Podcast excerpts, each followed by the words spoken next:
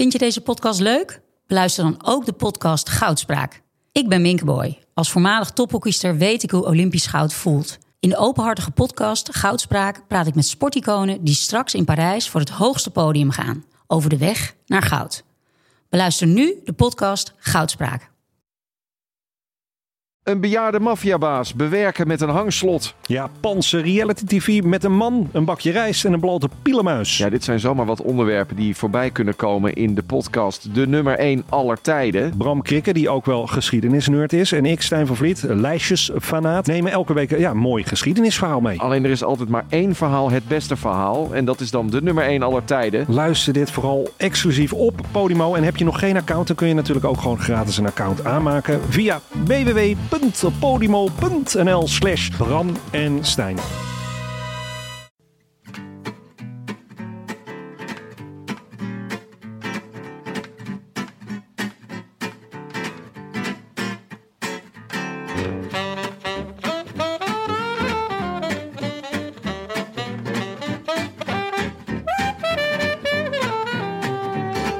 Is zondag 16 september 2018. Live vanuit Amsterdam West is dit de Rode Lantaarn, de wielerpodcast van Het is Koers. Het was aan de Costa del Sol dat het begon, tingelingeling. Maar aan alle mooie dingen komt een einde. In Madrid eindigde vandaag de laatste grote ronde van 2018 met een kermiskoersje on steroids. Geheel volgens verwachting gewonnen door Elia Viviani. Volg, geheel volgens verwachting, Quickstep Floors. Ook volgens verwachting, maar multifocaal genieten, waren de laatste dagen van de Vuelta. Kruiswijk die van 5 naar 3 naar 4 ging. Valverde die moest capituleren op de laatste berg van de laatste serieuze etappe. En Riek Mas die een blik jonge talenten aanvoerde en uiteindelijk maar één iemand voor zich hoefde te dulden op het podium. Die bleek te hebben geleerd van zijn teleurgang op de Finestre in de Giro. En mocht daarom vandaag klinken met de Cava Madrid. Niks geen jinx, wel dikke felicitaties voor Simon Philip Yates. Mannen, mannen met een aanvallende impuls. Dat heeft het moderne wielrennen nodig. Dat slijmerige volggedoe, het moet ervan af. Dit is de winnaar van de Vuelta. Op plaats 3 komt hij binnen. Simon Yates. I wish I could be in the south of France. In the south of France. Sitting right next to you. De avond is gevallen in Madrid, jongens. Het zag er wel mooi uit, vond ik, op het plein. Ja. Ze zijn nog, eh, terwijl we dit opnemen, zijn ze nog aan het vieren. Zou die eh, zangeres nog terugkomen? Hoe heet ze nou? Nouria? Nouria. Ja, Ja, ik, die- dacht, ik dacht heel even dat je op Anneke Greunlo eh, die komt niet meer terug. bedoelde, maar zou ik heel eh, macaber vinden. Ja. Te vroeg dit voor mij. Ja, te vroeg? Ja, Ja. vind ik te vroeg. Sorry, nee, ja, groot fan hoor. Maar zoals Nouria zong, er is altijd hoop. Ja? Maar eh, prachtige wijze woorden voordat huldiging plaatsvond in eh, Madrid. Hm. Ehm, zoals Anneke Geunlo zong, Brandend Zand. En een verloren land. Precies. En een leven vol gevaar. Maar eh, ik las dus eh, vandaag over het overlijden van Anneke Geunlo. Op, en op verschillende eh, websites kreeg ze verschillende leeftijden toebedeeld. en toen dacht ik, dit is gewoon, eh, dit is gewoon, dit is ook wat er gaat gebeuren als Nai- Nairo Quintana ooit komt te overlijden. Ja, Dan weten we het ook Wel niet. vet dat je gewoon een overeenkomst tussen Anneke Greunlo en Nairo Quintana hebt gevonden. Precies. als Nairo Quintana nu zou overlijden, zou het heel moeilijk worden op redacties. Moet zou zeggen, op respe- respectabele leeftijd overleden. Laten we hier niet op voor sorteren. Oh, sorry. Ja, anders is het weer onze schuld. Echt geen gemak. Ja. Niet doodgaan, Nairo. Ja. Dat kunnen we er niet, niet bij hebben. Ook niet als je al heel oud bent. hey, eh, we zijn weer met z'n drieën, jongens. Tim is er weer. Terug uit België. Ja, Je bent Nee. niet in België geweest, hè, Tim? maar België werd, eh, liep in het 100. Hm. Je Ja, bent ik moest, geweest. Nee, ik moest ineens voor afspraak hier in eh, Amsterdam zijn. En toen dacht ik, ja, ik kan niet... eh, nee, er waren twee redenen waarom ik toch niet aanschoof. Namelijk, één, ik kon de etappe niet zien. Dat is altijd natuurlijk wel een, Mhm. een basisvereiste voor de Rode Lantaarn. Zeker. En twee, dacht ik, laat ik het gras niet voor jullie voeten eh, wegmaaien. Toen kom ik weer met mijn vlijmscherpe analyses. En dan je is het toch altijd, blijft altijd weinig ruimte voor jullie En over. je star power. Ja. Maar ik ben blij dat we weer met z'n drieën zijn. Hm. Ik ook. J- Jonne klinkt een beetje als een drag queen vandaag. maar- Normaal gesproken heb je zo'n eh leuk hoog piepstemmetje. Dat klopt, ja, maar ik Maar heb vandaag mijn bariton meegenomen. Wat is er gebeurd? Eh, ik heb eh, afgelopen weekend het WK eh Klaverjas gespeeld. De variant kraken. Het WK klaar voor jas. Ja, eh, en ik ben... eh, ja, de, ja, zeker. De, de, de kruiswijk van de groep. Een mooie vierde positie heb ik eh, behaald. Van de hoeveel? Eh 13. Oké. Dat was een De ongelukkig Vuelta aantal. deden er wel maar, meer mee, hè? Hm? De Vuelta deden er wel meer mee. Ja, de- maar we waren begonnen met 188. Maar uiteindelijk eh, ja, dat- gelijk de ja. eerste, de eerste, eh, Eerste kraakpartij. heel veel valpartijen. Oké. En eh er zijn, Wat, ja, is de, wat, is de, wat is bijzonder aan de kraakvariant? Ik ken het niet namelijk. Ik kan sowieso geen klaverjassen. Nou, dat je als je als er één iemand maakt en dan kan jij als tegenstander zeggen: ik denk niet dat jij het gaat halen, vriend. Hmm. En dan zeg je kraak en dan speel je om dubbele punten, dubbele kruisen, dubbel zoveel spanning en dubbel zoveel geld. Dit Het kan eigenlijk toepen. Bij, eh, in het klaverjas is Ja. een toepelement ingebouwd. En je kan dan eens reekraken en superkraken. Dat Maar zou leuk zijn, zeg, als je dat in, eh, G- in de Vuelta ook zou kunnen doen. Ja, dat je een verdubbelaar kan Als eh, inzetten. Simon Yates vertrekt, dat je dan eh, je hand op kunt steken. ja, ja. Dit en dan lijkt als me je het dan niet redt, dat je dan eh, dubbele seconden krijgt. wat een Ja. uitstekend idee. Dit lijkt me echt iets voor de Giro om te proberen. Ja. Ja, of voor onze, onze, grote verrassingskoers. Ja. Ja. Ja. Go- Maar hoe werkt het dan? Dus op het moment dat je Simon Yates ziet wegrijden... Ja, kun als iemand demareert, kun je zeggen, dit is, Nee, dit gaat, deze gaat niet tot de finish dragen. Ja, maar dat gaat iedereen bij Aru doen natuurlijk. Ja, en bij Quintana. Maar nee, Quintana. dat gaat hem niet lukken. Die is te oud. ja. En als, hij dan toch redt, heeft hij, de hele, heeft hij de hele koers gewoon gewonnen. Zeg maar de hele Vuelta. Ja, dat is bij, eh, bij kraken wel. Dan krijg je Ja. ook dubbele punten, dubbele kruisen, dubbel geld. Ja, nou, Of zou je niet kunnen doen dat je dan, als je van tevoren bij een etappe, dat je dan kan zeggen: eh, Ik zet hier, ik kraak deze. Dus dan de tijd die je pakt op je concurrenten krijg je dubbel. goed. Ja, goed idee. Bijvoorbeeld. Maar kan je wel doen. Dan, kan je, dan moet je zeg maar op één rit moet je inzetten. Net en dan zoals weet vroeger iedereen bij, dat jij eh, gaat, die ja. rit. Net zoals vroeger bij Spel zonder Grenzen. Spel zonder grenzen. Spel zonder Grenzen, Wat is dat, was, ehm, Nou, was te gek. dat was echt heel vet. Het was een soort in de, lu- in de lucht, maar dan internationaal. Ja, dan mocht dan een dorpje uit eh, Italië tegen een dorpje uit Nederland. en Ja. Een dorpje uit eh, Duitsland. En eh, zijn die moesten dan tegen elkaar een soort eh Strijden zes, zes in kamp echt- doen. Nou, Gekke was spelletjes. maar. In mijn, in mijn hoofd duurde het echt twee uur, dat programma. Ja. En allemaal heel, heel rare spellen. En dan bij eentje mocht je, altijd verdub- mocht je de verdubbelaar inzetten. En Nederland had de gaaf om dat dan te doen. En dan toch laatste of één laatste te worden in die manche. Volgens mij heeft Amersfoort een keer gewonnen. Echt? Ja, ik, Ik wil kan- hier vanaf zijn. Maar ik, ik- kan me niet herinneren dat kan- Nederland een keer won. En volgens mij was het Amersfoort. Ik kan alleen een tweede plek van Terschelling of van Tessel herinneren. Echt? Ja, en dat was, dat was echt een week lang feest hoor, thuis. Fantastisch. Ken je dat echt niet? Ik Nou denk, ja, ik denk je- wel dat dit slecht wordt voor eh, Astana. Dit is echt iets voor Astana om elke keer die verdubbelaar op het verkeerde moment in te zetten. Ja, maar voor Astana is wielrennen toch ook een Zal soort je- spel zonder grenzen. Ze doen maar je, wat. zal je één leuk ding vertellen, Jonne? Ik, was dus, ik moest laatst aan Spel Zonder Grenzen denken. Terecht. Want Netflix heeft nu een soort Amerikaanse variant van Spel Zonder Grenzen. Echt? Ja, wat een beetje zeg maar de... de weet je, ze hebben nu allemaal van die, van die Ninja Warrior-achtige Ja, programma's. Nou, daar hebben ze dus nu een Spel Zonder Grenzen variant van. Waarin Ninja Warriors uit verschillende la- landen tegen elkaar op moeten nemen. Oh. En ik zag ergens dat Nederland ook meedeed. Dat meen je niet. Ja. Laten we hopen Amersfoort of Terschelling. Ja, laten we over Amersfoort of Misschien kunnen we dit najaar kunnen we die eh, afleveringen gewoon gaan bespreken. Daar houden we een paar. Ja, Ninja Warrior analyses. Ik denk dat er wel, eh, wel spectaculaire afleveringen worden. En dan misschien na afloop ook diepte-interviews. Diepte-interviews. Jongens, we hebben een aantal rectificaties. En de ene is een eh, beetje een... eh, nou ja, we, we hebben het wel in deze podcast al vaker over onze, onze verrassingstour gehad. En mogelijke elementen daarin. Daar werd in de rectificatie nog eentje aan toegevoegd. Want ik had per ongeluk aangegeven dat de laatste etappe van de Vuelta in de, in de Ardennen zou zijn. In plaats van in Andorra. Wat, eh, mij, met- ja, wat natuurlijk fout is, want dat was in, in Andorra. Maar toen Ja, dacht ja. ik, als we ooit een verrassingstour organiseren... dan moet de laatste, of de laatste etappe van de Ardennen naar Madrid gaan. Ja, Gewoon Ja. duizend kilometer. onverwacht. Ja, op een onverwacht. onverwacht moment. Ja, Ja, je staat hier nu nog wel maar één etappe. in Andorra. Maar het begint dus. Jongens, we gaan een Ardennen. fietskoers rijden. Ik zeg niet wat we gaan doen. Maar eh, neem je zwemspullen mee. En vooral die laatste etappe. Ja, goed idee. Nou, dat had ik Maar fout. jij hebt gewoon, waar ik bij zat, gezegd... dat de Ja. laatste etappe in de Ardennen was. Ja, maar ik mee, dat was natuurlijk een verspreking, hè? Ja. Dat snap je ook wel. Maar Ja, nee, Hen- dat snap Henry ik, maar- Paulus en Hugo Vogel, Het, die het is erop. Dat het mij niet is opgevallen dat je dat hebt gezegd. Nee, maar dit is, ik vind het wel ik vind het een, eh, een top rectificatie. Ja, eh, en een dank top je. vergissing. Net als, ik vond eigenlijk ook de Indurain die in 2006 in de Vuelta afstapte. Misschien wel de mooiste, ook in deze categorie. de mooiste rectificatie van 2018. Ja, ik ben erg te spreken over de rectificaties die we deze Vuelta hebben gehad. Hmm. In de Tour zakte het een beetje in. Iedereen was denk ik gewoon echt met de wielrennen bezig. Maar in de Vuelta hebben we toch echt een partijtje kwaliteitsrectificaties Ja, het, het zal je plezieren dat ik er nog drie heb. Nou, geef ze maar. Kom Eentje maar, was een fout van, eh, van Jonne. Dat meen je niet. Ja, ja, jouw economische antenne stond kennelijk niet goed afgesteld. Want jij suggereerde dat het Baskenland de, meest, de economisch meest welvarende regio van Spanje is. Ik heb, ik, heb ik het woord economisch gebruikt? Zeker. Je Oh. zei letterlijk de meest economisch welvarende regio van Spanje. Dat is balen. Ja. Probeerde dat er nog onderuit te komen. maar, eh, Goeie. maar dat goeie is, eh, is Catalonië. ja?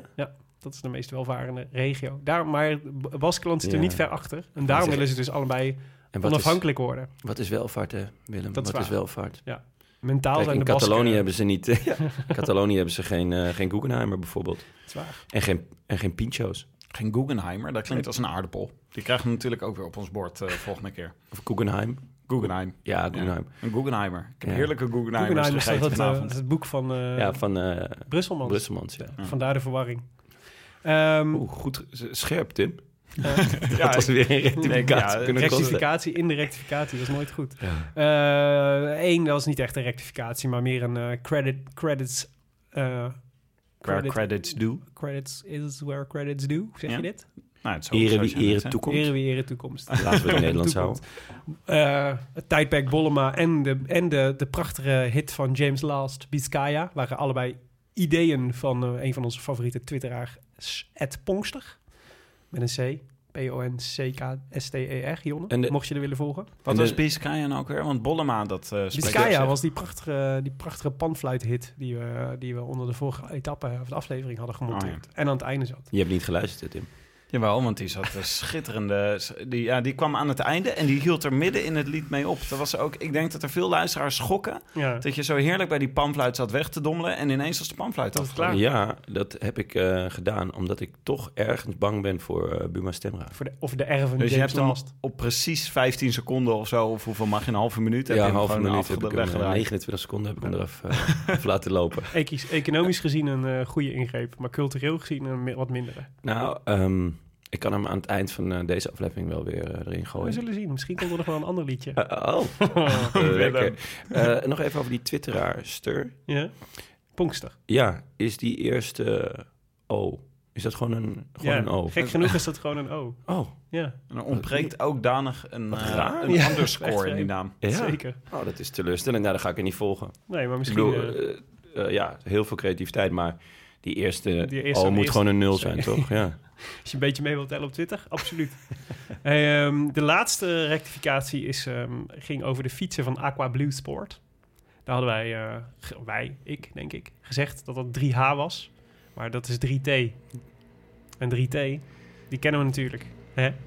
90s kids als we zijn. Ja, Toch? zeker. Weet jij wie 3T is? Nee, van Michael Jackson. Zeker. Ken je ze ook bij naam? Oeh, ja. Terrence?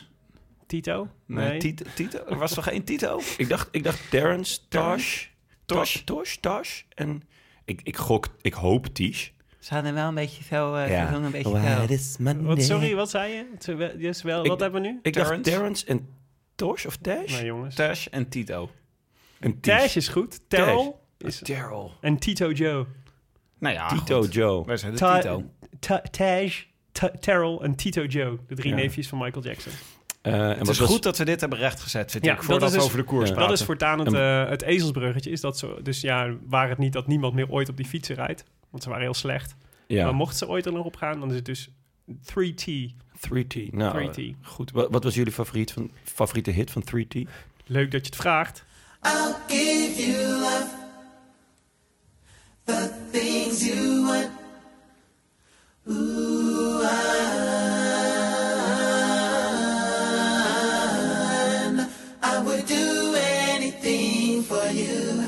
I would do anything for you. I would do anything, girl, anything for you.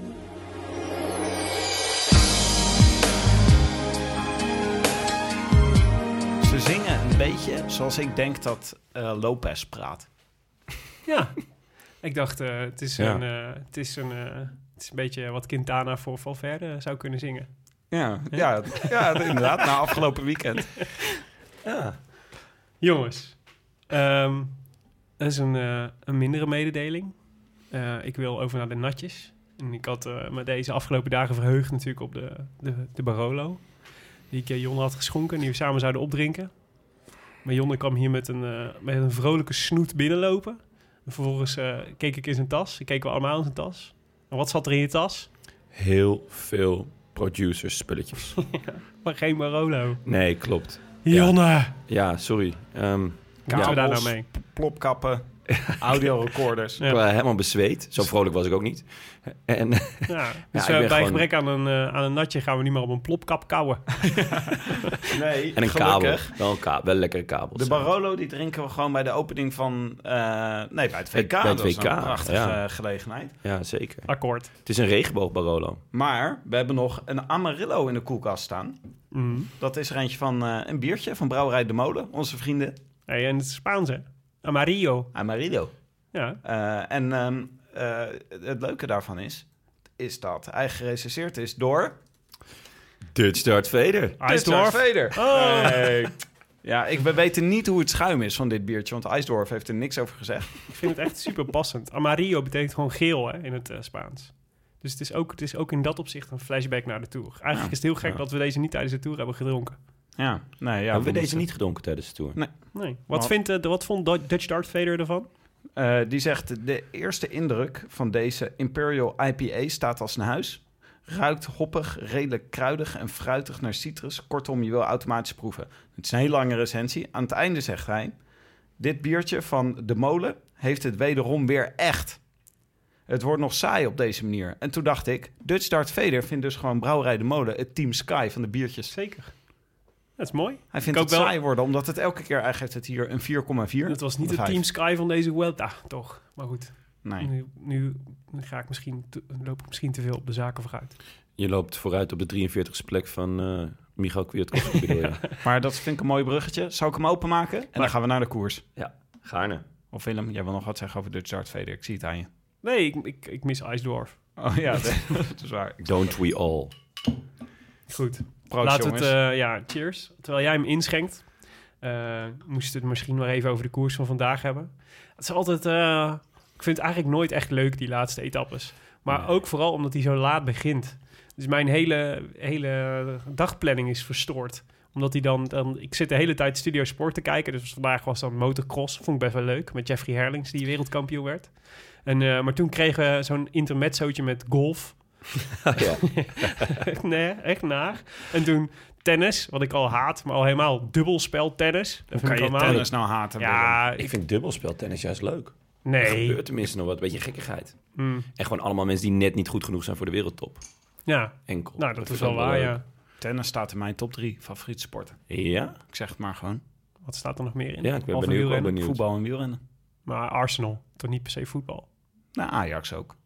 Oh. Ajax en Arsenal. Oké. Ik heb regelmatig weekenden waarin ik gewoon... waarin ze allebei totaal teleurstellen en iedereen boos is. Ja, fietsen, heel, fietsen staat wel heel ver bovenaan, wielrennen. Ja. En dan zeg maar alle varianten. Dus, eh, dus veldrijden vind ik ook echt heel leuk. Echt? Ja. Super en Michastel? Dat is in Michels Gestel, zeker.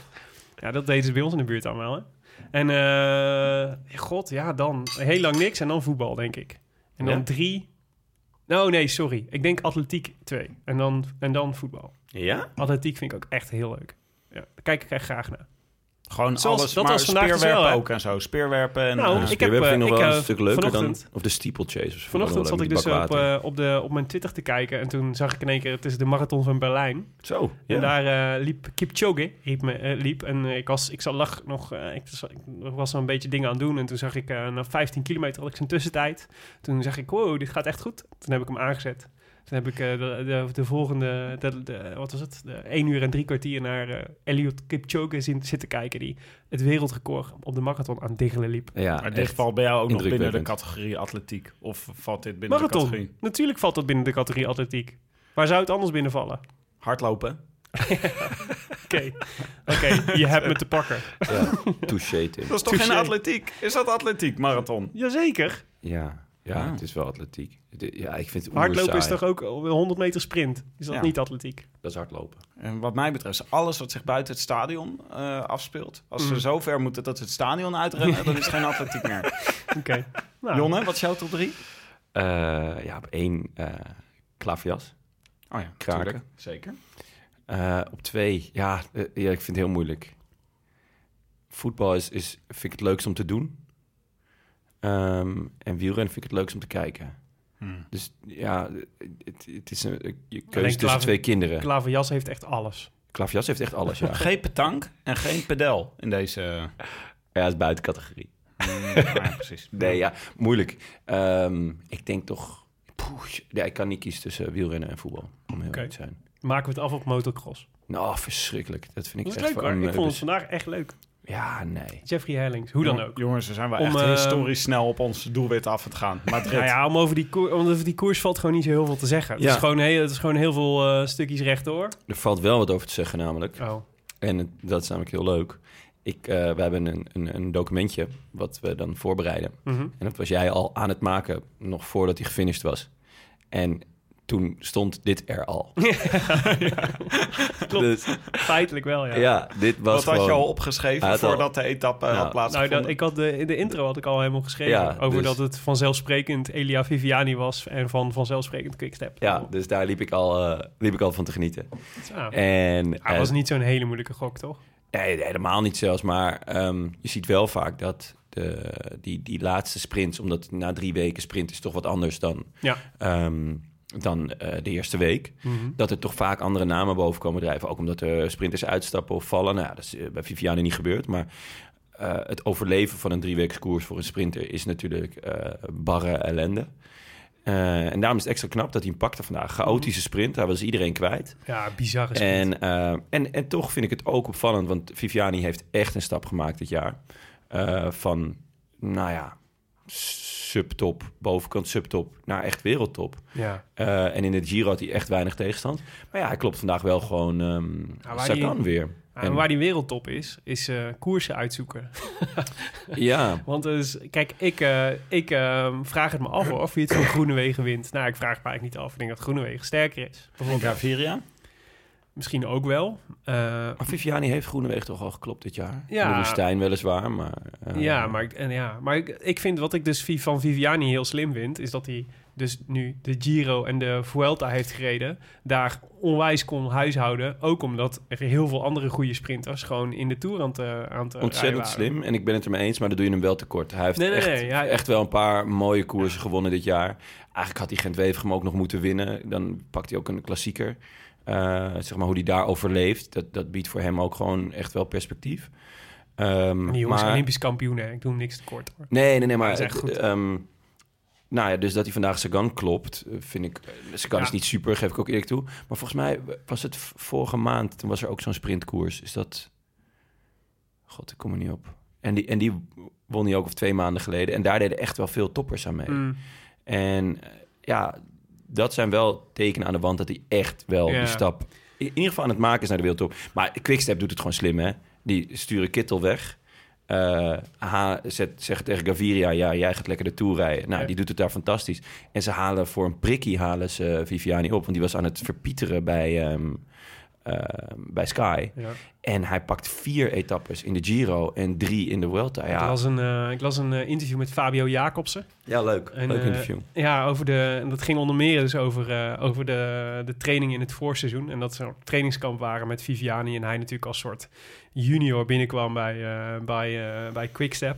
En er gewoon in de training een aantal keren Viviani oplegde. Dat Viviani daar echt woedend over was.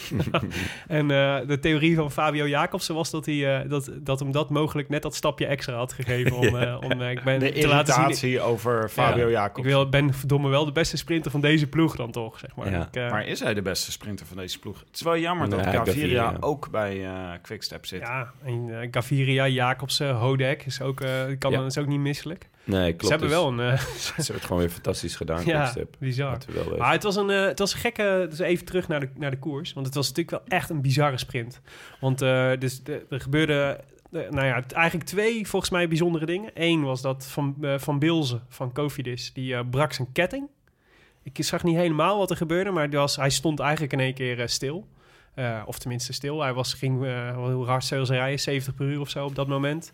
En als je dan in één keer niet meer trapt, dan, eh, en dan, ja, dan, dan rijden de anderen er bovenop. Dus dat daar niks naars gebeurde, was eigenlijk een wonder. Echt super knap dat hij, eh, dat hij recht bleef. Ja, Ja, dit, ik dacht toch, wow, wat gebeurt? Ja, nee, het was ook maar net. En uiteindelijk, hij reed best wel ver aan de zijkant gelukkig. ja.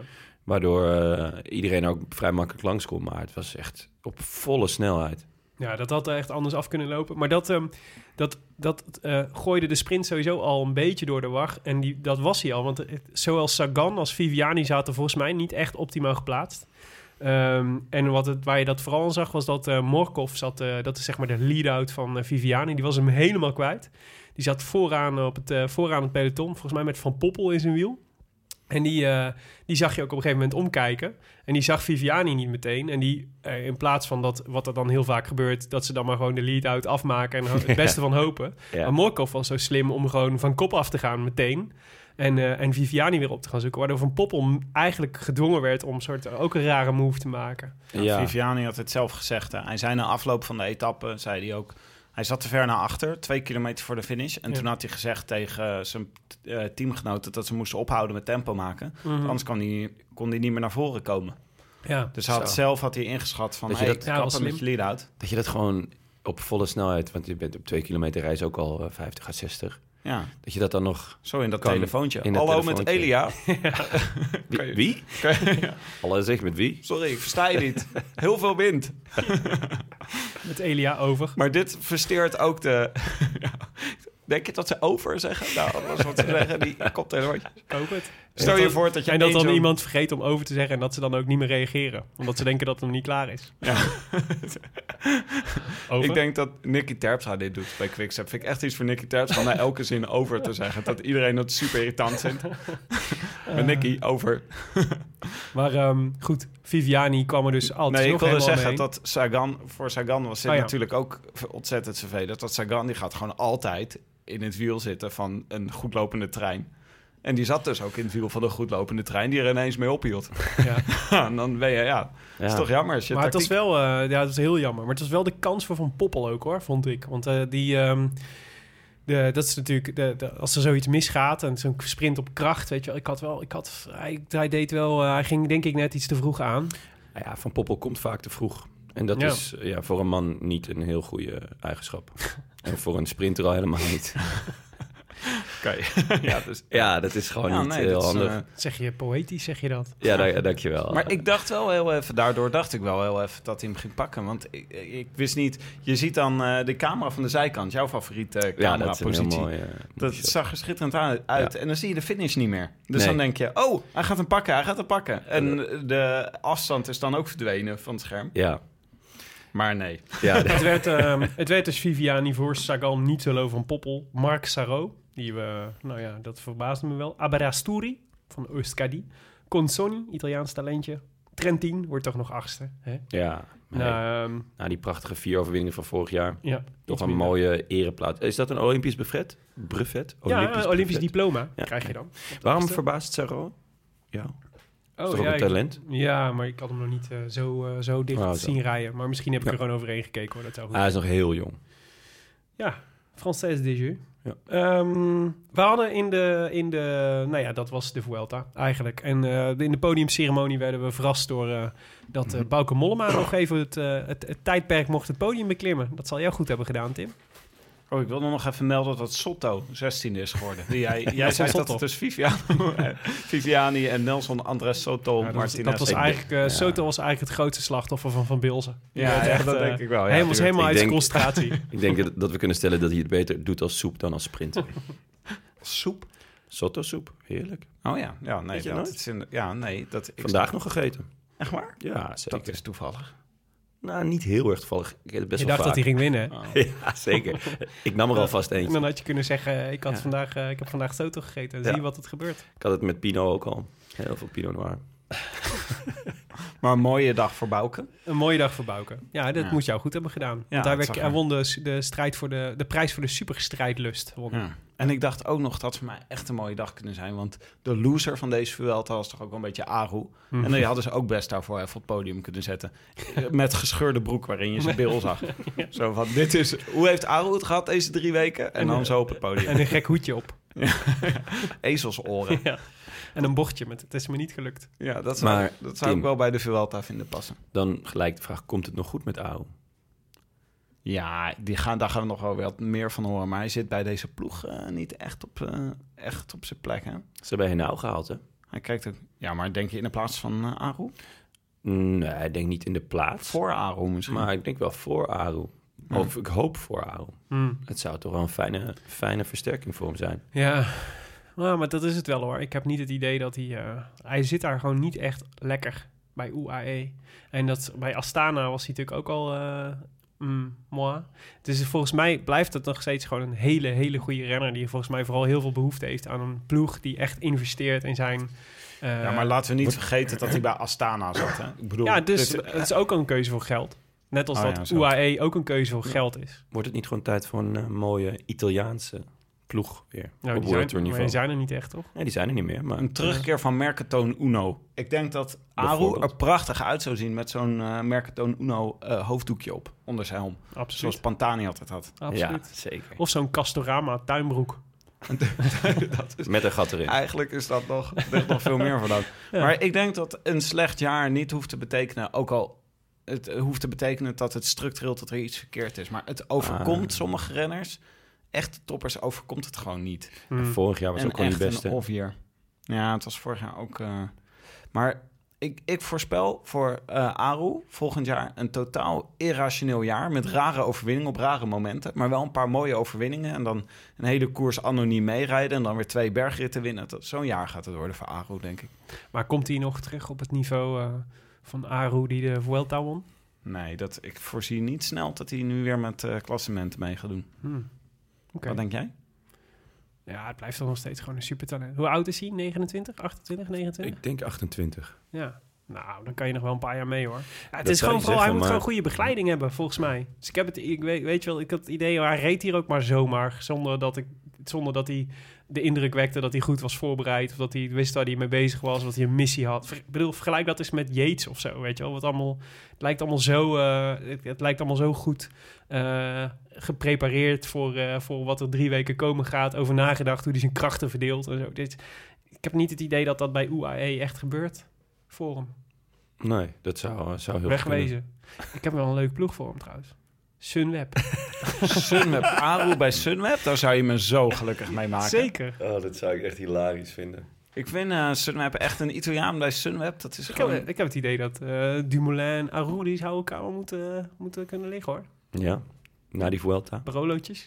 Ja, op zich zouden ze wel samen een Barolo. Lekker banden. Ja, ja, dat is wel waar. Goed. Maar dat kan iedereen toch met een Barolootje. Eh, Zelfs uh, Rijkaard en Fuller kunnen dan wel weer. Ja, dit, het brengt alles bij elkaar. maar eh, Mollema heeft een eh, fantastische Vuelta gereden, vind ik. We Hm. begrepen echt van tevoren... hadden we geen idee wat hij precies kwam doen in deze Vuelta. Misschien had hij zelf ook wel geen idee. Zijn ploeg had in ieder geval... uh, dat vooral een ander idee, toch? Ja. Zijn ploeg ja. en hij. Ja, die hadden, de, zijn ploeg uh, dacht dat hij voor het klassement ging. En hij... Hij dacht dat hij, hij was, kwam doen. Ja, hij, hij, was dit van plan. Nou ja, uiteindelijk zie je dan toch wie de macht heeft. Hè? Ja. Maar dit is dus ook wat, uh, wat... dit hoop je ook van Geesink. Ik hoop dat Geesink zo'n een, uh, tour krijgt volgend jaar. Zoals Mollema nu de Vuelta had.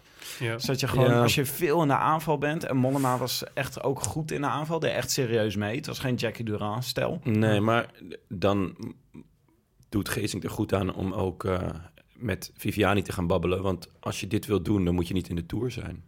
Kijk, de Tour heeft gewoon te weinig van etappes waar dit kan.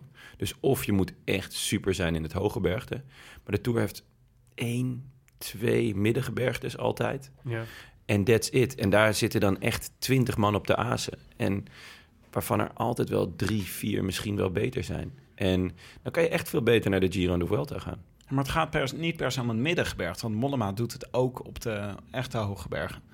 En het is Geesink en Mollema zijn gewoon potentieel renners die echt de buitencategorie bergen heel goed kunnen bedwingen. Okay, maar ja, dan moet dan... je wel meezitten met die aanvallen. Nee, oké, okay, laat, laat, ik het dan niet het middengebergte noemen, maar laat ik, laat ik het uh, etappes zijn, uh, etappes noemen waar je, waarin je kan aanvallen. Dus daar, daar is ja. de Tour gewoon de koers niet naar. De belangen zijn te groot, er zijn te veel sprinters, uh, er zijn te veel berggeiten die, die naast een klassement ook een ritzege willen. De, dan kan je echt veel beter naar de Giro of the World. Het is gewoon leuker ook. Ja, ja als, als je aanvaller. hoopt een beetje zoals de laatste jaren heb je het gezien met Alain Philippe en met Barguil. Je hoopt een beetje zo'n uh, zo'n rol dat dat gaat lukken. Ik weet Ja. niet of ze daar goed genoeg uh, voor zijn, maar het is... Uh, Ja, dat, dat is de- natuurlijk wel een beetje wat Mollema hier liet zien, vond ik. Ja, mee eens. Alleen het, het, het eindschot van die twee, zowel van Alaphilippe als Barguil, als hij goed is, is wel echt indrukwekkend. Ja. En dat heeft Mollema minder. Hoewel, ik vind altijd dat hij een, echt een lekkere laatste kilometer heeft als het bergop gaat. ja, maar niet nog de extra punch. Nee, dus hij wordt ook twee keer tweede. Maar eh, laat voorop staan, eh, super vette veld. Nou ja, wat ik vooral... eh, ik denk dat die hele... Dus eh, wij- zagen net nog het staartje van de Sporza-uitzending. En waarin eh, José bekende dat hij eh, deze Vuelta fan was geworden van, van Mollema. Ik denk dat dat echt serieus voor veel meer mensen geldt. Ik denk dat Mollema buiten Nederland toch een beetje die, het beeld van Mollema was. die rijdt goed in San Sebastian. En in de grote rondes is het een plakker. Weet je wel? Gewoon altijd aanhaken en proberen hem zo lang mogelijk vol te houden.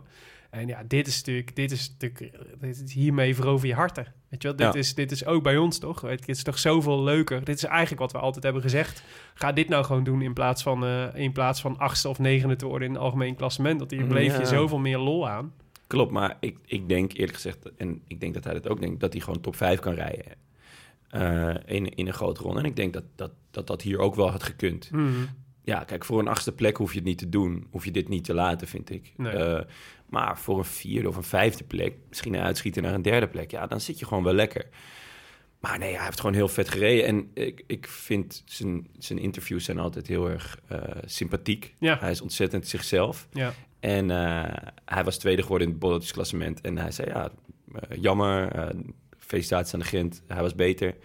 Maar het, het was leuk, ik heb Ja. me vermaakt. Ja, ja, dat, vond ik heel leuk. Ja, ja, ja. Dat vind ik ontzettend leuk om, om naar te luisteren. Ja, ik heb me vermaakt. En dan denk ik, ja, ik ook, Bouke. Het was echt een feestje met Bouke. Ja. Het was het feestje Mollema, deze uh, Ja, nou, het was iedere keer weer spannend. En ik bedoel, eh, ik kan me die, eh, die, ene, die ene etappe met eh, dat hij achter King aanging. Oh, die had hij moeten was wel Dat was denk ik misschien wel een van mijn momenten van, de, van deze Vuelta. Dat gewoon een soort van dat, dat hangen op 20 seconden. En dat je dan denkt, oh 19, 18, oh nee, 19, 20, 21. Het was, ah, wat een, eh, ja, het, het- omdat het allemaal zo traag ging, zeg maar, was het, maakte het echt fascinerend. Ja. Het was jammer dat hij het niet redde, maar hij nam er wel echt heel erg voor hem in. Ja, zeker. Het landschap hielp ook mee daar. Want daardoor kon je, Ja. de he- kon je elkaar de hele tijd zien. En, en je had van die uh, zigzagweggetjes omhoog. Maar Ja. toch zag je, kon de camera's ze zeg maar in één frame eh, pakken. Het is misschien wel het beeld dat ik zal onthouden van deze Vuelta. Het is echt zo'n eh, zo'n kenmerkend, eh, zo'n zo'n typerend beeld dat je vasthoudt. Mhm. Van een paar jaar zal ik terugdenken aan Mollema. En deze Vuelta. En dan een traantje wegpikken. En dan denken aan deze Als het mooie tijdperk voorbij is. Als het tijdperk voorbij is over twaalf jaar. ja, gek genoeg zie ik Mollema ook wel een soort Valverde-achtige carrière eh, ingaan. Ja. Dat hij dan zo gewoon op zijn 38ste nog steeds gewoon rondfietst. Ja, zolang hij zich vermaakt, waarom niet? Ja. Lijkt me mooi. Hey, ehm, eh, we hadden van tevoren hadden we, hadden we ehm, bij de voorbeschouwing, waar eh, Jon en ik bij waren en Tim niet. Helaas hadden we een, eh, hadden we een eh, Werkweigering. Ja, wederom. We hadden Ja. een eh, lijstje gemaakt met vragen. En eh een van die dingen was, waar zie je het meest naar uit? En toen zei jij, Sky die zonder goede kopman rijdt. Ja, dat klopt. Ja. En dat was verfrissend. Sky als het was, dat ging over Sky als een soort het alfa en omega van, van de koers. Die altijd alles bepalen Ja, uiteindelijk, waar iedereen zich probeert toe te verhouden. Nou ja, we hebben gezien wat er gebeurt als, eh, als ze er niet zijn, hè? ja ehm, er is nog niemand in staat geweest om de code van Sky te kraken. En dat is heel knap van ze. Ze doen het gewoon heel goed. En waar ze normaal gesproken heel goed zijn in zijn, is ook eh, eigenlijk de, planning van hun jaar. Dus dat ze zorgen dat ze altijd een, een kopman hebben die in vorm is voor een bepaalde wedstrijd. En eh, voor de, eigenlijk door de winst van Thomas in de, in de Tour hadden ze die ineens niet. Want Thomas eh, is volgens mij gewoon gefeesten. Ja. Die heeft ook het WK eh, laten lopen. Ja. Heel vet. Want ja, waarom, waarom zou je inderdaad als je nog... het hoogste hebt gehaald, waarom zou je dan nog verder gaan? En eh, je hebt het gewoon verdiend. En ja, toen kwamen ze ineens met ja, De La Cruz en Kwiat. ja. Nou, Kwiat is 43ste geworden op een uur en 43 minuten. Mm, En De La Cruz, vijftiende. 15e. Ja. Ah, dat is echt, echt heel matig voor een, voor een ploeg als Sky. Ja. En dan zie je dus ook, nou, dat het eh, chaos is in Ja. de koers. Astana probeert het af en toe, Movistar probeert het af en toe. Ehm Mitchelton kon het niet. Die, die kreeg op, op een gegeven moment op zijn flikker van, van Movistar... van jongens, ga eens rijden voor die trui. Mhm. En, eh, en dan zie je dus ook in het klassement heel veel... eh, ja, bokkensprongen. Dus mensen die over elkaar heen gaan. De, iemand die de ene dag wel goed is, de andere dag niet. Ja. Omdat het allemaal met horten en stoten gaat. Ja, heel In plaats van het strakke tempo wat Sky altijd hanteert. Ja. Dus ik heb eh, genoten. Maar het is ook een van de redenen waarom ik ja, de Vuelta nooit zo goed begrijp. Het, Ik denk het, dat het is al chaos. En nu nog meer. Ik denk wel dat het per ongeluk was bij Sky hoor, dit jaar. Dat het de planning in de soep is gelopen. On- onder meer omdat Bernal toch maar de Tour moest rijden. En omdat Poels de Tour moest rijden. En eh, dat dat wel voor de hand liggende kopmannen zijn in, eh, in deze andere... Ik denk dat we Bernal volgend jaar gewoon in de Vuelta gaan zien. Ja, goed. Maar dat, die, eh, dat, die, dat daar opgeschoven is. En dat ze toen dachten, nou, kijken wat Kwiat een keer kan. ja, En eh, dan hebben we altijd nog De La Ja. Cruz. Nou, maar wel jammer, want Kwiatkowski had ik wel gehoopt dat hij mee zou... Vind ik een hele leuke renner. Ik had Ja, maar ik denk, gehoopt eh, dat hij mee zou kunnen Ja, doen. Kwiatkowski had ook gezegd hè, dat hij wilde testen of dat hij eh, voor een algemeen klassement zou kunnen rijden. Nou, ik denk dat eh, de test, eh, het test is geslaagd, maar het, res- het resultaat was negatief. ik zou zeggen dat Test gelukt, Ja. maar een hypothese verworpen. Ja, nee, dus Kwiatkowski moest natuurlijk, eh, moest natuurlijk al vrij snel af iedere Nou keer. ja, hij, heeft- hij is eh 43ste. Eén plekje achter Maximon voor. Oh, nou ja. Toch niet de minste. nee, dat klopt. Ga je die mee? En Floris de Tier, Domt. 41ste. Ja. Nee, het was, Nee, ja. eh, het, het was niet... Ik bedoel, hij had een sterke eerste week, Kwiatkowski. En daarna zakte het als een plumpudding in elkaar. Ja, maar Kwiat kan beter dan dit. Dit was gewoon... Dit was... eh Ja. Dit viel tegen. Maar hij heeft elke de- rit gereden. maar- Sinds 1994 gewoon elke World Tour rit gereden. En op kop, hè? En op- Volle bak op kop. allemaal, allemaal Allemaal. kopwerk. Dat is waar, als hij dat niet doet. Maar nee, maar laten we zo zeggen... het betekent in ieder geval dat Kwiatkowski niet hetzelfde, niet hetzelfde schema kan aanhouden... en dan denken dat je voor de, voor de eindzege in de Vuelta kan gaan. Nee. Ja, Kwiat is eigenlijk een beetje, denk ik, van hetzelfde kaliber als Alaphilippe. Mm. Supergoed in koers van een week, mooie punch, kan supergoed aankomen eh, en, en etappes winnen. Maar drie weken is gewoon te lang. Ja. Dus eh, wel eh, da- een heel leuke voor het wereldkampioenschap. Ehm schrijf hem maar op. Ja, Zeker. lijkt me een hele goeie. Ehm, ik had eh, gezegd dat ik uitkeek naar eh, de geitenpaadjes en de, en de boven de 20 procentjes. Nou, die hebben we, we zijn verwend eigenlijk. Zelfs zoveel dat me op een gegeven moment de geitenpaadjes wel een beetje de neus uit begon te komen. Ook al omdat eh, ik was wel een beetje, ik was, vond het wel fijn dat we naar Andorra gingen. Want het is zo'n, eh, het is, dat, het, het werd op een gegeven moment, werd, eh, ik, volgens mij noemden we het in de, in de woensdagaflevering geitenpaadjes moeheid. Daar kreeg ik wel een beetje last van. Dat is, zeg maar, daar gaan we weer, zeg maar, oh, we hebben weer een weggetje gevonden van eh, wat 25% omhoog loopt en een meter breed is en waar nog niet geasfalteerd is. Dus laten we de renners daar weer even overheen sturen. Ja, ik weet het niet. Ik was op een gegeven moment was ik er een beetje, dacht ik, dit is, nu wordt het een, gewoon een, een trucje. Weet je, Maar wat weer is daar een, het probleem eigenlijk van? Wat maakt het uit dat er geitenpaadjes zijn? Nou, het is gewoon, je kunt er niet zo... Dit, dit- Wat het- doet het met de koers dan? Wat het, was, het werd gewoon een beetje is? eentonig. Ik hou gewoon van als, het een beetje, als, het, eh, als er een beetje variatie in zit. Misschien is het ook gewoon, ben ik nu gewoon een verwend Nestor. Maar het, is, moet gewoon, het moet gewoon, een Grand Tour moet gewoon uit variatie bestaan, weet je wel. En dit was, het was net iets te veel van dit. En dit snapt de Vuelta wel, want die willen dan een soort... Dat hoort dan kennelijk bij het onderscheidende van wat deze koers ten opzichte van de Giro of de Tour is of wat dan ook. Ja, wat ik zei vorige keer al. Ga lekker naar de Sierra Nevada. Laten we proberen om de, de, 3000, eh, de 3000, 3000 meter hoogte te gaan fietsen. Dan wil ik het nog wel eens zien. Ja, ja, precies. Ja, ik denk wel dat Valverde dan overlijdt. Dat risico moeten we dan maar nemen. Ja, maar de, geiten, eh, de dynamiek van die geitenpaadjes is volgens mij ook dat je bijna niet ontsnappingen kan doen. Je krijgt dus Ja. gewoon wie kan zich, Ja. wie gaat niet dood of wie staat niet stil of rijdt Ja. achteruit. Er is geen sprake meer van eh, tactiek of koers. Het is, je gaat zo hard mogelijk. Ja. En op een gegeven moment is dat je max en dat hou je dan vol. Dus inderdaad, het is niet... Tenzij je Oscar gaat- Rodriguez heet. Dan kun je Zo, er nog, nog ja. net een paar tandjes bij. Ja, dat was wel indrukwekkend. maar ja, dat... Ja, dat, dat, Dat zo over een paar jaar wel horen, denk ik. Ja. Goed. Een andere vraag die we hadden gesteld was... eh, hoe gaan de Nederlanders het doen? Eh, wij hadden absurd veel vertrouwen in Wilco Kelderman. Nou, hij viel eigenlijk wel mee. We waren vooral benieuwd hoe hij het ging doen. Ja, ik had, eh, ik had goede verhalen gehoord van, van Ten Dam. Ja. En ehm, vrienden van me hadden hem zien trainen op de Stelvio. En eh, hij kwam als een, als een bliksemschicht voorbij. Nou, Ja. Misschien kan dat ook liggen aan de conditie van mijn vrienden. Hmm. Maar ja, ik, ik zag het eigenlijk wel een voordeel dat hij nog fris was. Ja. was hij was als een van de weinigen echt helemaal fris. Ja. Maar ja, eh, ja, je hebt toch ook gewoon eh, koershardheid nodig. Ja. Eh, blijkbaar, want de eerste week was goed. De tweede week was slecht. En de derde week was weer goed. Ja, absoluut. Ja, na, na de eerste week dachten wij zelfs van dit, hij, als hij is er zonder schade doorheen gekomen tot nu toe. Als, die, eh, als hij niet, eh, nee, dat was trouwens niet waar. Toen had hij dus al die minuut, eh, minuut en nog iets verloren met dat iemand in zijn wiel was gereden. Ja. En eh, dus wij, da wij hadden hem toen nog opgeschreven als potentiële, potentiële kanshebber om eh, de Vuelta te winnen. Maar daar moesten we toch wel vrij snel van terugkomen. Ja, dat Helaas. Was, was een beetje ja, te, te oranje gekleurd, onze bril. Maar wat niet zo heel vaak gebeurt, is als een renner van zichzelf zegt dat hij heel erg goed is. En dan denk je, oh, dan zal het inderdaad wel heel erg goed zijn. Want anders dan zeg je, hou je altijd een bescheiden slag om de arm. Ja. Maar Kelderman, die zei gewoon on camera, zei hij, ik heb hele goede benen. Ja, nou, het was ook zo.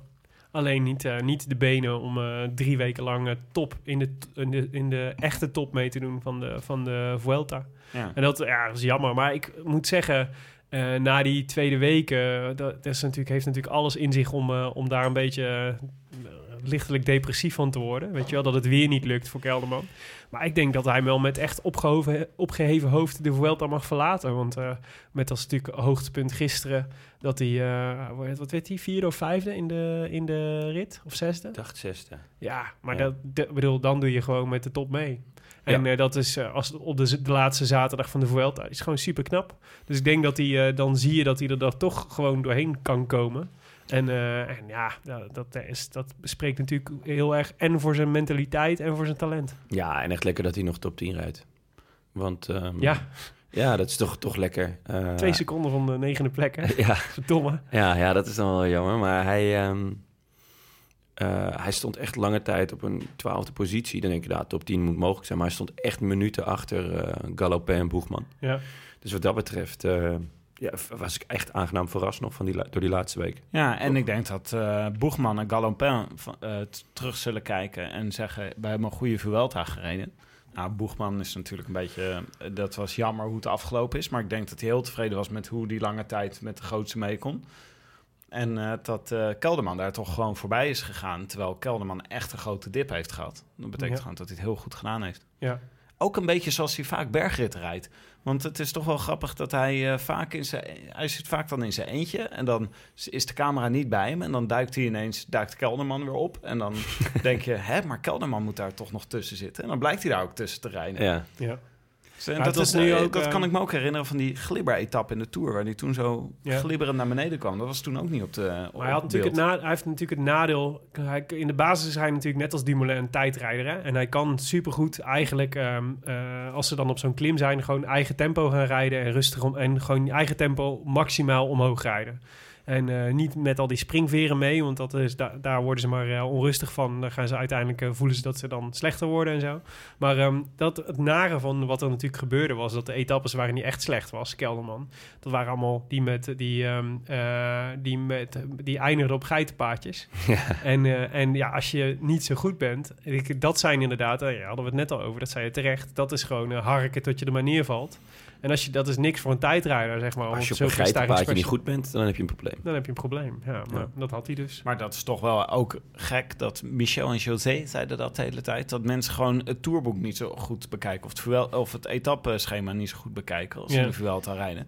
Vind ik toch raar voor profielrenners. Nee, dat Kelderman ineens op een gegeven moment Nee, tot de conclusie Kruiswijk was toen verrast. Die, eh, Ja, ja, maar Kelderman die zei, die zei ook van... Ja, nou, het was toch wel... Die zei op een gegeven moment... Ja, het was toch wel steiler dan ik had verwacht. En ik ben niet zo goed in dit soort eh, ritten. En toen kwamen er nog vijf van dat soort ritten Maar En dan denk je... Wat doe je hier als je er zo slecht in bent? Maar je hebt gelijk, maar Jets Bol gaf, zei ook al in een van de telefoongesprekken dat het routeboek in de Vuelta notoren onbetrouwbaar is. Ja, dat Dus je moet ze eigenlijk allemaal was- gewoon verkennen van tevoren. Maar ze- Ja, ja maar dat, een- ik, ik ga ervan uit dat iedereen die etappes een keer heeft gereden als je, als je de Vuelta rijdt.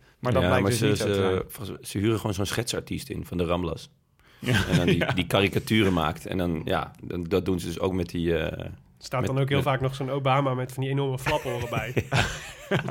Dat is wel Of- raar. Dat of Aru met een heel grote mond. Zo, die over, de, over die geitenpaadjes gaat. Met toch al als hoogtepunt die afgehaakte berg. Die toch niet afgehaakt bleek te zijn, maar Ja. super stel. Ja, maar eigenlijk vind ik dus als... Stel, ik, ik zou een goede wielrenner zijn. Nou, dat ben ik niet. Maar stel, maar ik zou niet wereldtop zijn.